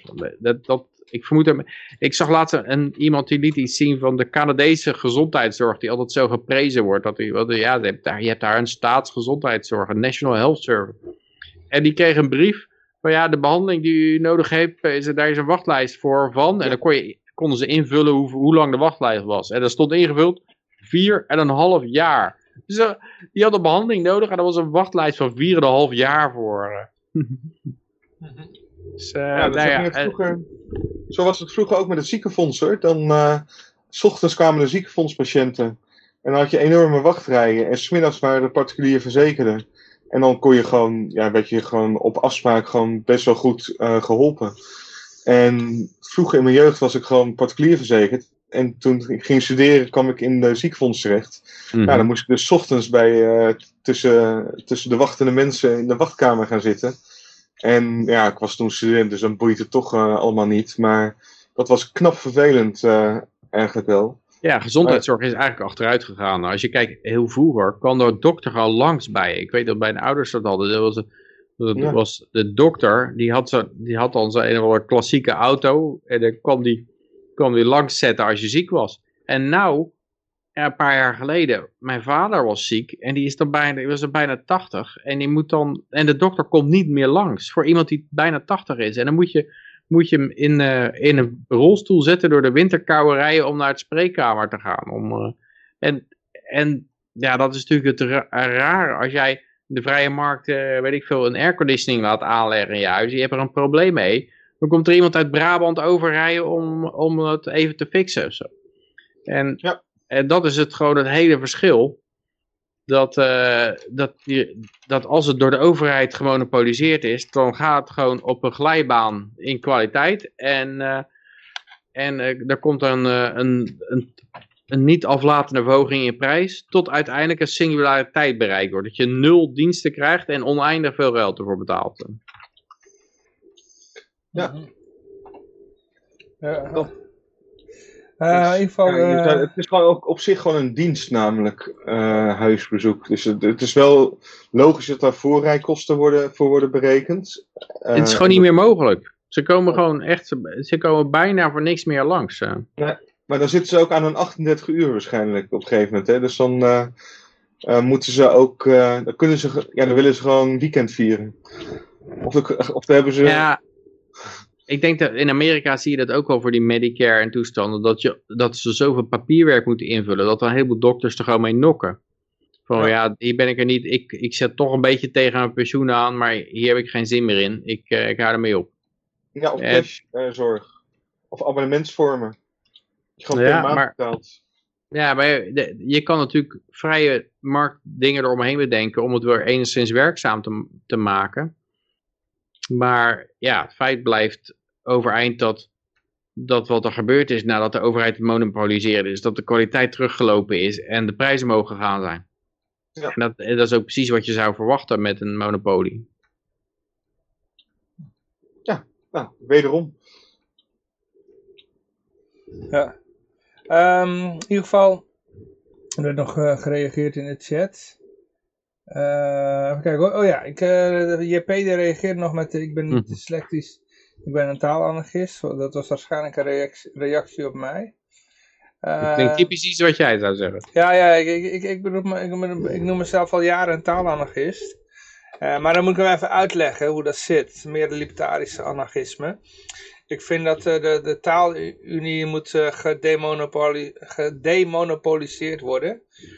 En nou ja, nou, nou zeg ik dat wel, maar dan moet ik mezelf al meteen rectificeren. Want eh, ik heb ooit met de taalunie, Nederlandse taalunie ge, gecorrespondeerd. Ik had last van, van taalfascisten die, eh, die mij elke keer gaan corrigeren als ik eh, iets zeg wat dan niet volgens de regeltjes is. Dan zeg ik van nou, ik heb nooit een contract met hun afgesloten en zo. We worden uh, staan bij hun stoppen door, et cetera. Maar ehm, toen ben ik met de taalunie gaan eh, corresponderen en die zeiden van nou ja, wij hebben helemaal geen monopolie op de talen. Dus eh, iedereen is vrij om een eigen groene boekje of zo uit te brengen. En dat gebeurt dus ook. Hè? Dus eh, Microsoft heeft een eigen versie van de Nederlandse taal. Dat is die spellingscontrole die je bij Microsoft ziet. En die wijkt af van, de, van het groene boekje. En je hebt ook nog een paar andere. Die, die hebben ook een eigen, hoe heet eh, taalcorrectietools bij, eh, als je hun Word-achtige programmaatje gebruikt, weet je wel. Maar dat wordt vaak gebruikt door vrijwilligers. En vaak wijken die af, omdat ze dan nog de oude spellingscontrole gebruiken, weet je wel. Dan hebben ze de nieuwe nog niet eh, ingevoerd. Maar je bent eigenlijk vrij om eh, je eigen versie van de Nederlandse taal te beginnen. Maar ik, ik zit nou nog even op de wiki te kijken. Op Wikipedia wordt dus gezegd dat de Nederlandse taalunie bestaat dus uit, een, eh, uit het comité van ministers. En dat legt het eh, beleid eh, vast via een vijfjarenplan. Oh, dat is erg Chinees. Eh, die in jaarlijkse actieplannen worden uitgewerkt. Het comité bestaat uit Vlaamse en Nederlandse bewindslieden van cultuur en onderwijs. Ingrid van Engelshoven is dan een Nederlandse minister die is van onderwijs en cultuur en wetenschap. En Arie Slob, eh, Nederlandse minister, dat is nog volgens mij van, eh, volgens mij is dit niet bijgewerkt. Dat is nog van een vorig kabinet geloof ik. Of niet? Ja, ik weet het niet eens zo. Ik geval, weet wel eh, dat ik daar vroeger heel vaak kwam. In, op de Lange Voorhout 19 was dat volgens mij. Ja? En dat daar echt een gruwelijk lekker wijf werkte. Ik was helemaal verliefd Oké. Oh, zo lief was ze. Oké. Maar ze was niet verliefd op mij. Maar Eh, dat terzijde. Uh, Dat is voor mij de taalunie. nou, ik, ik zal de hele rest van het li- li- lijstje niet voorlezen, maar er werken allemaal ministers en zo. Die, die zitten daarbij en eh, nou ja, die, eh, die gaan daarover. Dus dan krijg je al niet de beste kwaliteit. Ehm, kijk hoor, het Algemeen Secretariaat van de Taalunie bereidt het eh, beleid voor, werkt daarvoor samen met deskundigen en eh, commissies en voert vervolgens de beleidsbeslissingen van het eh, comité van de ministers uit. De Raad van de Nederlandse Taal en Letteren eh, adviseert het comité eh, van ministers over het te voeren beleid. Eh, verder controleert de interplanaire commissie, eh, samengesteld uit Nederlandse en Vlaamse volksvertegenwoordigers, de werking van de taalunie. Nou jongens, als dit dan de taal moet gaan bepalen... eh, nou ja, daarom ben ik dus voor eh, dat, dit gewoon op de vrije markt gegooid moet worden. Je krijgt veel Ja, betere kwaliteit taal. Ik denk dat het wel zo is dat je sowieso een bepaalde ja, taal zal zich convergeren naar een bepaalde standaard. Omdat Ja, ja, anders kan je niet communiceren. Net zoals bankpasjes een bepaald formaat krijgen. ja, ja. Omdat je anders niet in alle pinpad, eh, pinautomaten terecht kan. Ja. Dus ja, dat, dat- ik denk niet dat het een enorme chaos wordt. Want dan, dan is het niet te gebruiken. Het gaat toch om dat je elkaar begrijpt. Ja. Precies. Dus niet met volle mond praten. Ja, jij maakt het heel moeilijk om eh, begrijpbaar, begrijpelijk te worden, omdat je gewoon de hele uitzending met een stuk kaas in je bek zit te praten. Je zou Ja. al bij het laatste bericht gekomen, dan zit je nog met kaas in je bek. Ja. hebben we geen geurmicrofoons, hè? dus dat eh, scheelt. Ja. Als taal en wiskunde worden eh, afgeschaft, zegt JP, hoe moet ik mijn eh, bes- Belastingen dan betalen. Ja, hey, dan heb je meteen, meteen ons plan door. ja, ik denk inderdaad, als we doorgaan met die verdomming van de bevolking, ja, zodat ze makkelijk te indoctrineren en uit te buiten zijn. En dat vindt ze natuurlijk geweldig. Een domme bevolking, die heb je, heb je heel goed onder controle. En zij zien dat als het enige wat telt. Dat je mensen eh, onder controle hebt. Maar het punt is natuurlijk dat hun productiviteit afneemt als ze, als ze dommer worden. Mhm. En daar, daarmee worden ze op een gegeven moment, zoals als er in de Sovjet-Unie het geval was, je hebt de absolute heerschappij over complete onproductieve nitwits. Ja, en dan, eh, ja, wat wil je dan? Op een gegeven moment gaat je zaak dan toch een keer onderuit. En moet je, moet je toch wat meer vrijheid gaan toestaan. Ja. Ja, maar ik snap wel waarom de ministers allemaal de, de taal willen controleren. Want dat is wat er in Nederland gebeurt.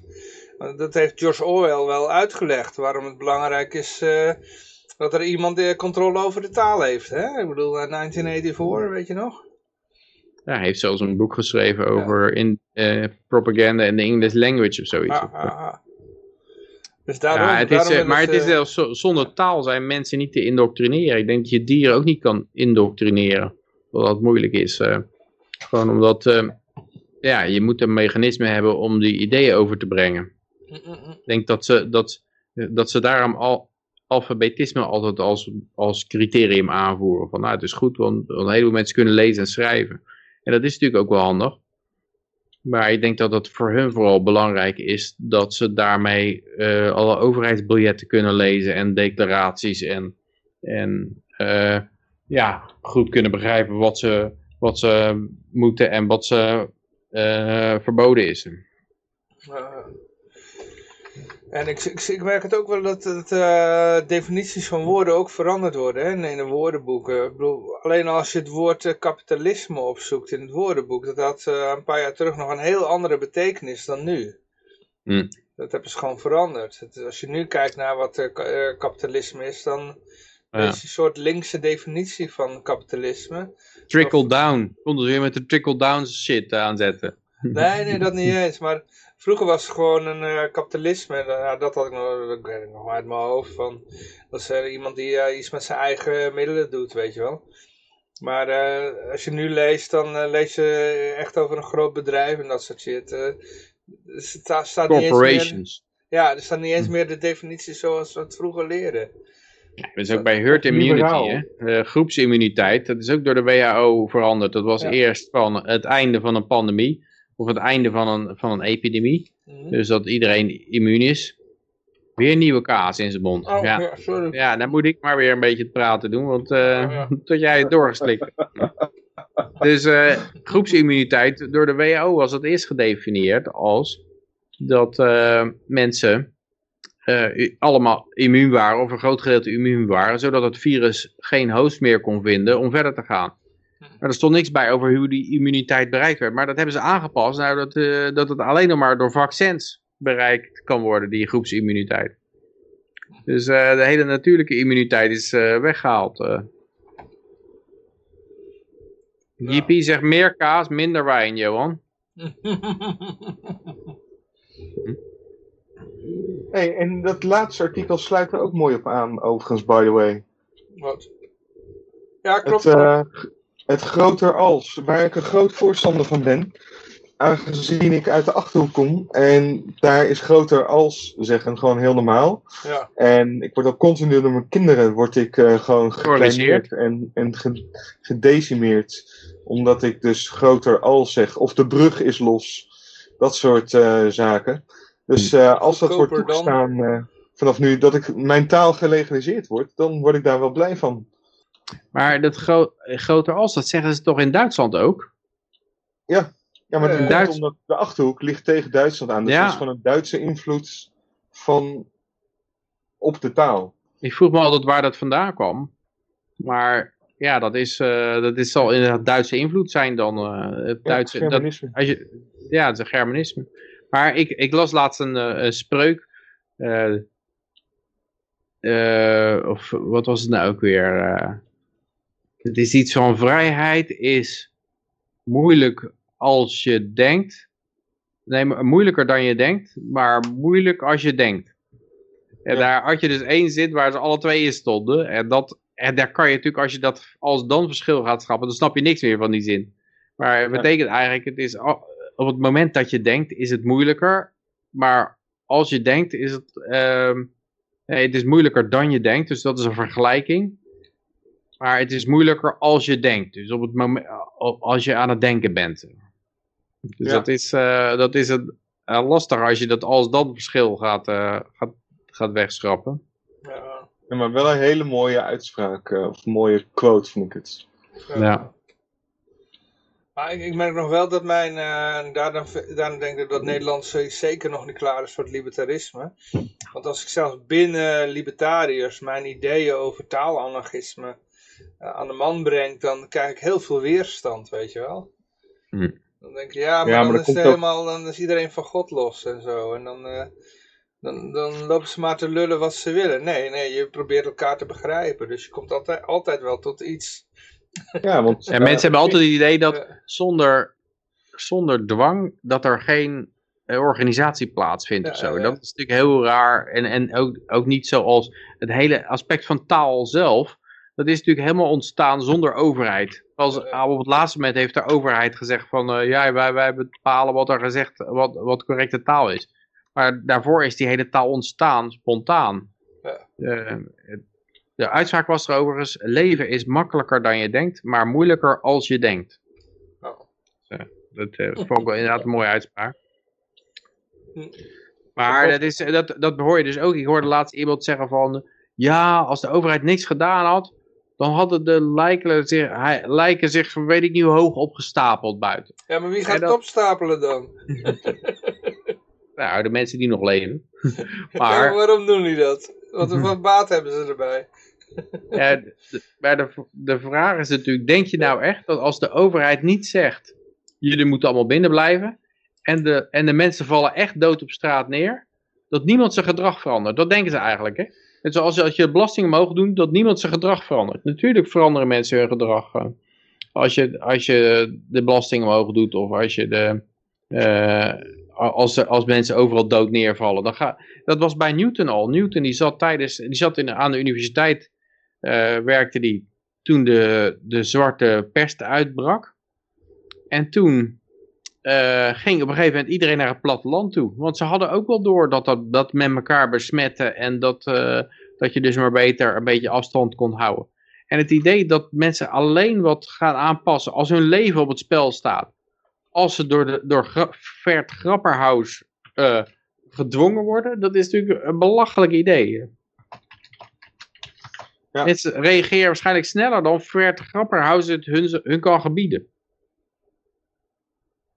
Dat ga ik juist doen.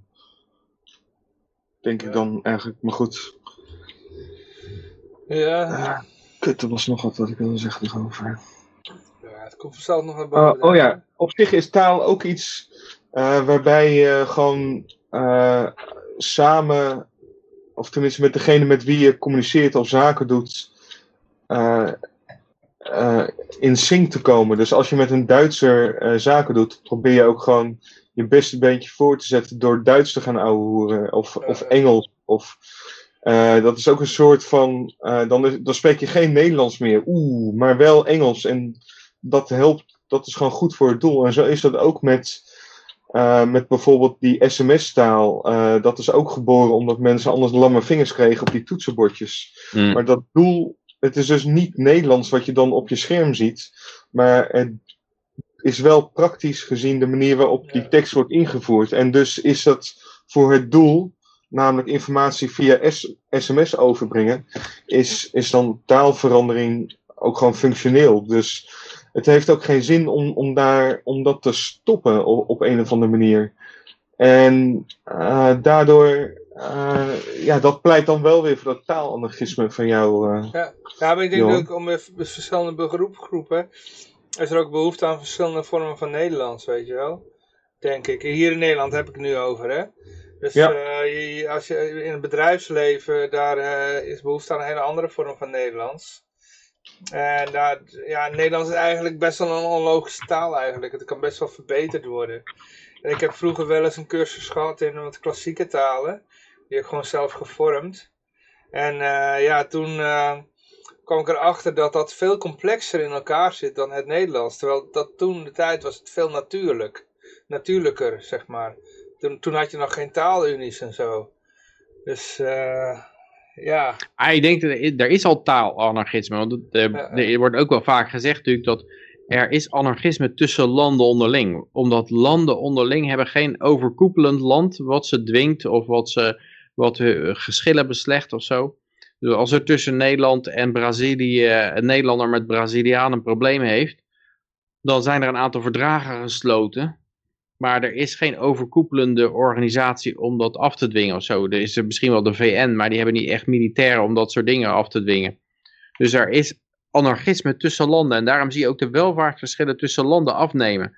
Maar binnen, binnen landen is er, een, is er een dictatuur. Dus daar zie je dat de welvaartsverschillen toenemen juist. Maar de welvaartsverschillen tussen China en, en het Westen zijn enorm afgenomen bijvoorbeeld. Dus eh, ook daar zie je dat anarchisme leidt tot meer gelijkheid. En etatisme tot meer ongelijkheid. En eigenlijk met talen heb je dat ook al. Er is anarchisme op het gebied van taal. Want in Brazilië spreken ze Portugees. En in eh, Guatemala spreken ze Spaans. En, eh, dus er zijn allerlei verschillende talen al.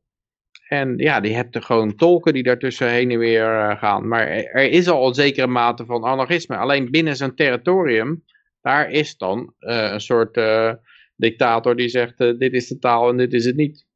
En ook daar nog heb je verschillen. Tussen Brabant en Limburg en Groningen. Ja. Ja, Johan, die is voor jou deze. Hm?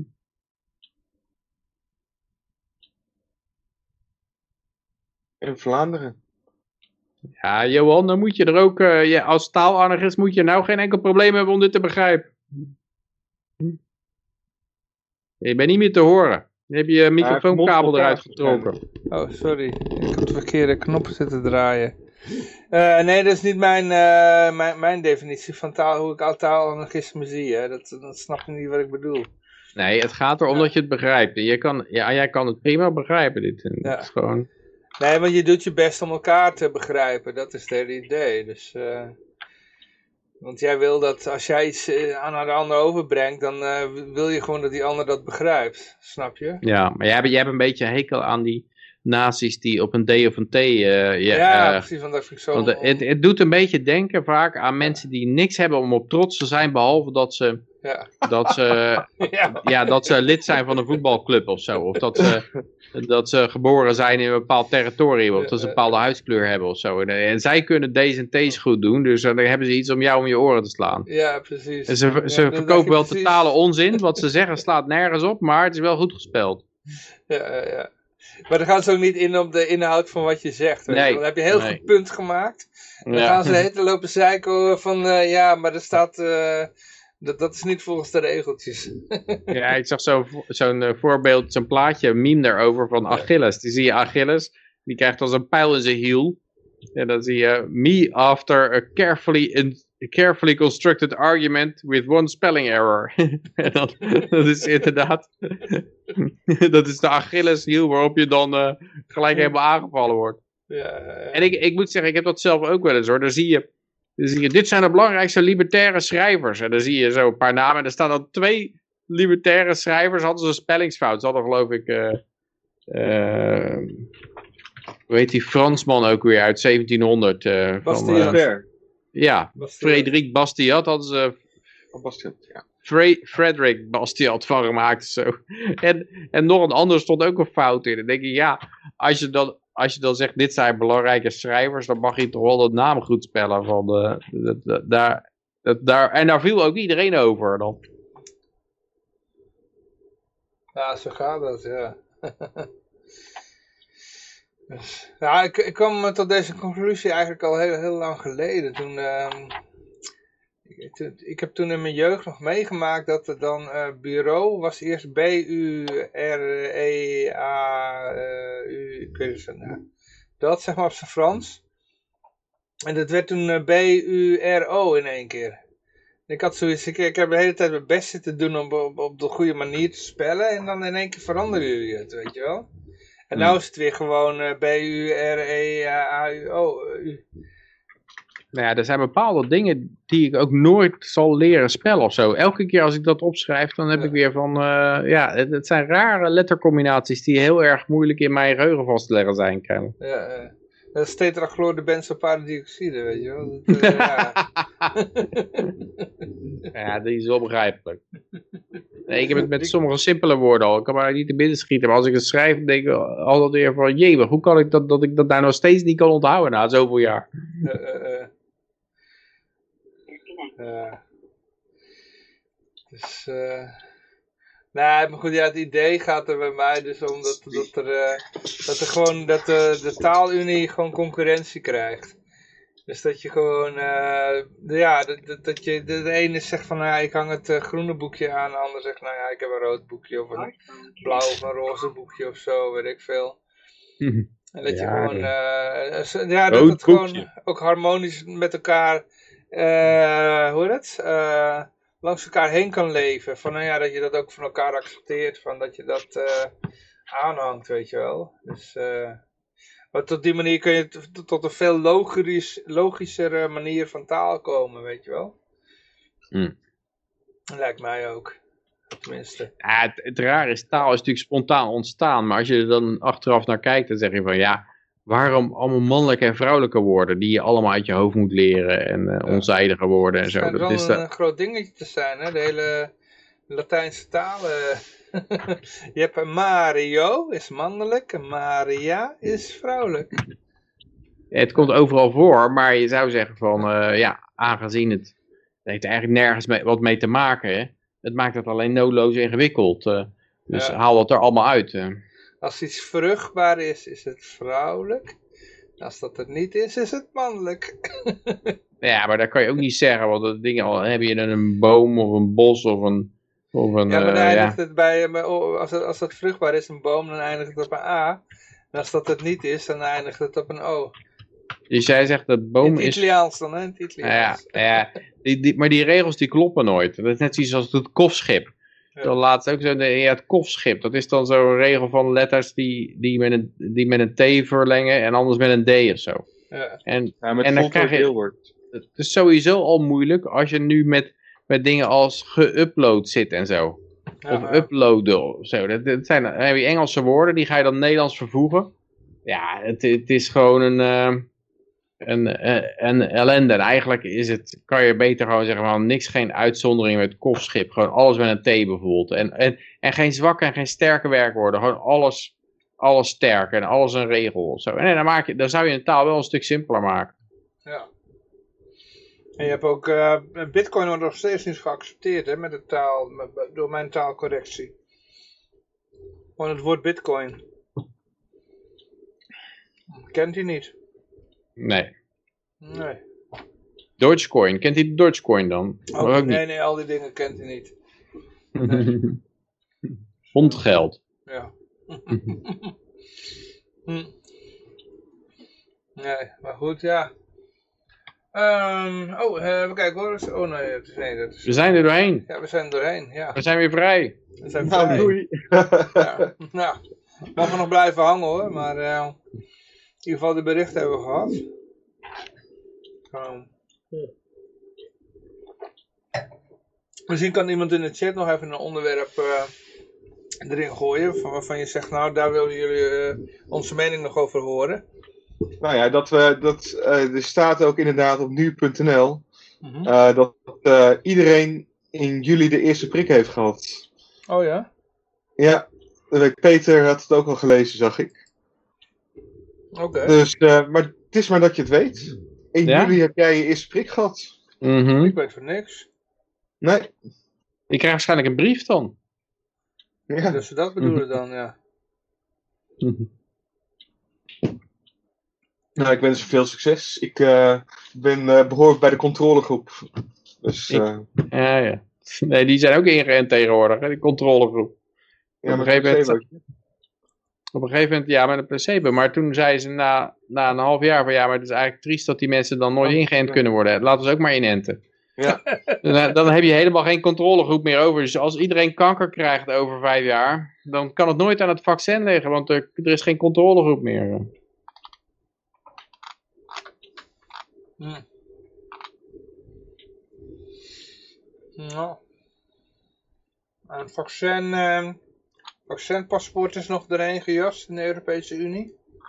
Uiteraard. Conform verwachting. Johan, je zit nog steeds kaas te eten met je volle mond, man. Hoe kan je nou bij een podcast van drie uur, drie uur lang zitten te eten? Ja, het was ook grootste kaas. Ik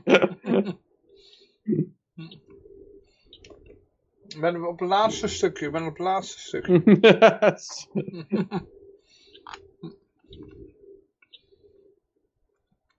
Ja.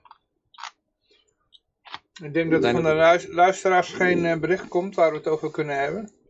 Nee, maar ik, ik vind dus wel, kijk, als jij, als jij gewoon niet probeert een goed taal gebruikt, dat geeft ook een beetje disrespect aan ten opzichte van de anderen. Van, nou, eh, jij vult het maar in de rest van de... En net zoals een volle mond, volle mond te eten, een beetje disrespect naar de luisteraar overbrengt. Maar zo bedoel ik het niet hoor.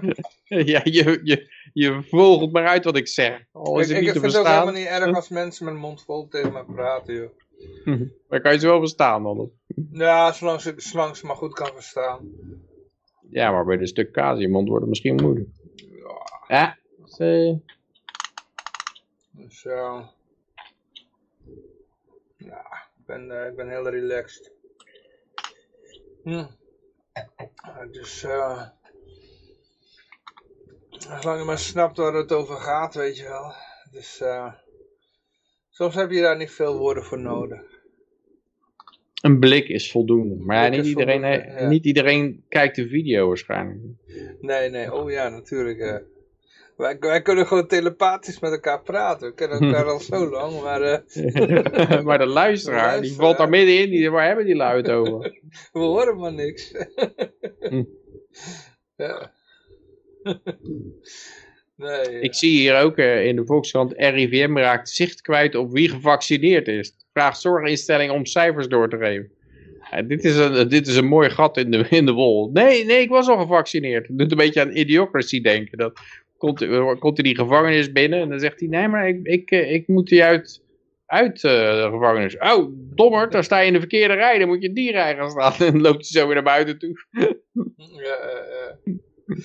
De hele productiekwaliteit van deze show is, eh, is soms een beetje eh, disrespect voor de kijker, maar ja, dat heeft ook wel wat. Een half uur te laat is ook niet echt netjes.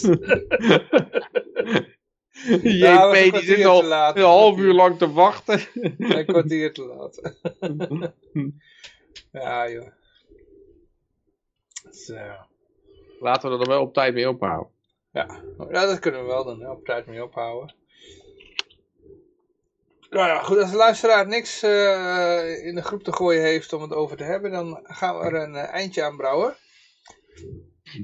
Nou, ik begin de hik te krijgen.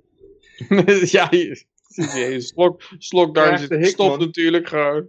Ja, al die kaas natuurlijk, hè. Al die wijn erbovenop. Ehm goed, ja. ehm ja, nou ja, dan... Pas maar op dat je niet gaat piepen als een muis eh, straks. Ja, ja, ja, ja, ja.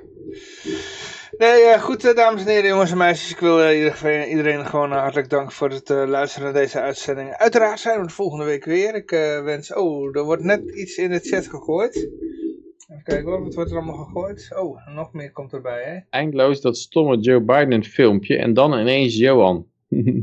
Geniet nog maar even wat langer van het filmpje. Oké, Toedeledokie. oké.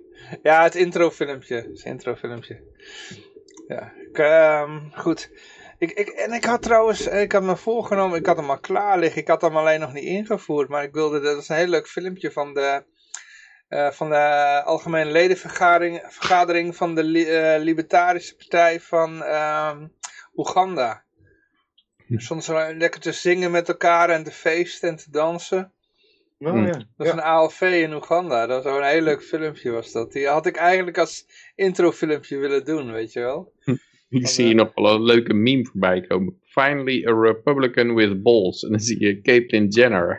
Die, gaat, die, is, eh, de, die heeft zich om laten bouwen en die gaat als eh Republikein in Californië op de ballot staan. Oké, oké. Finally a Republican with balls.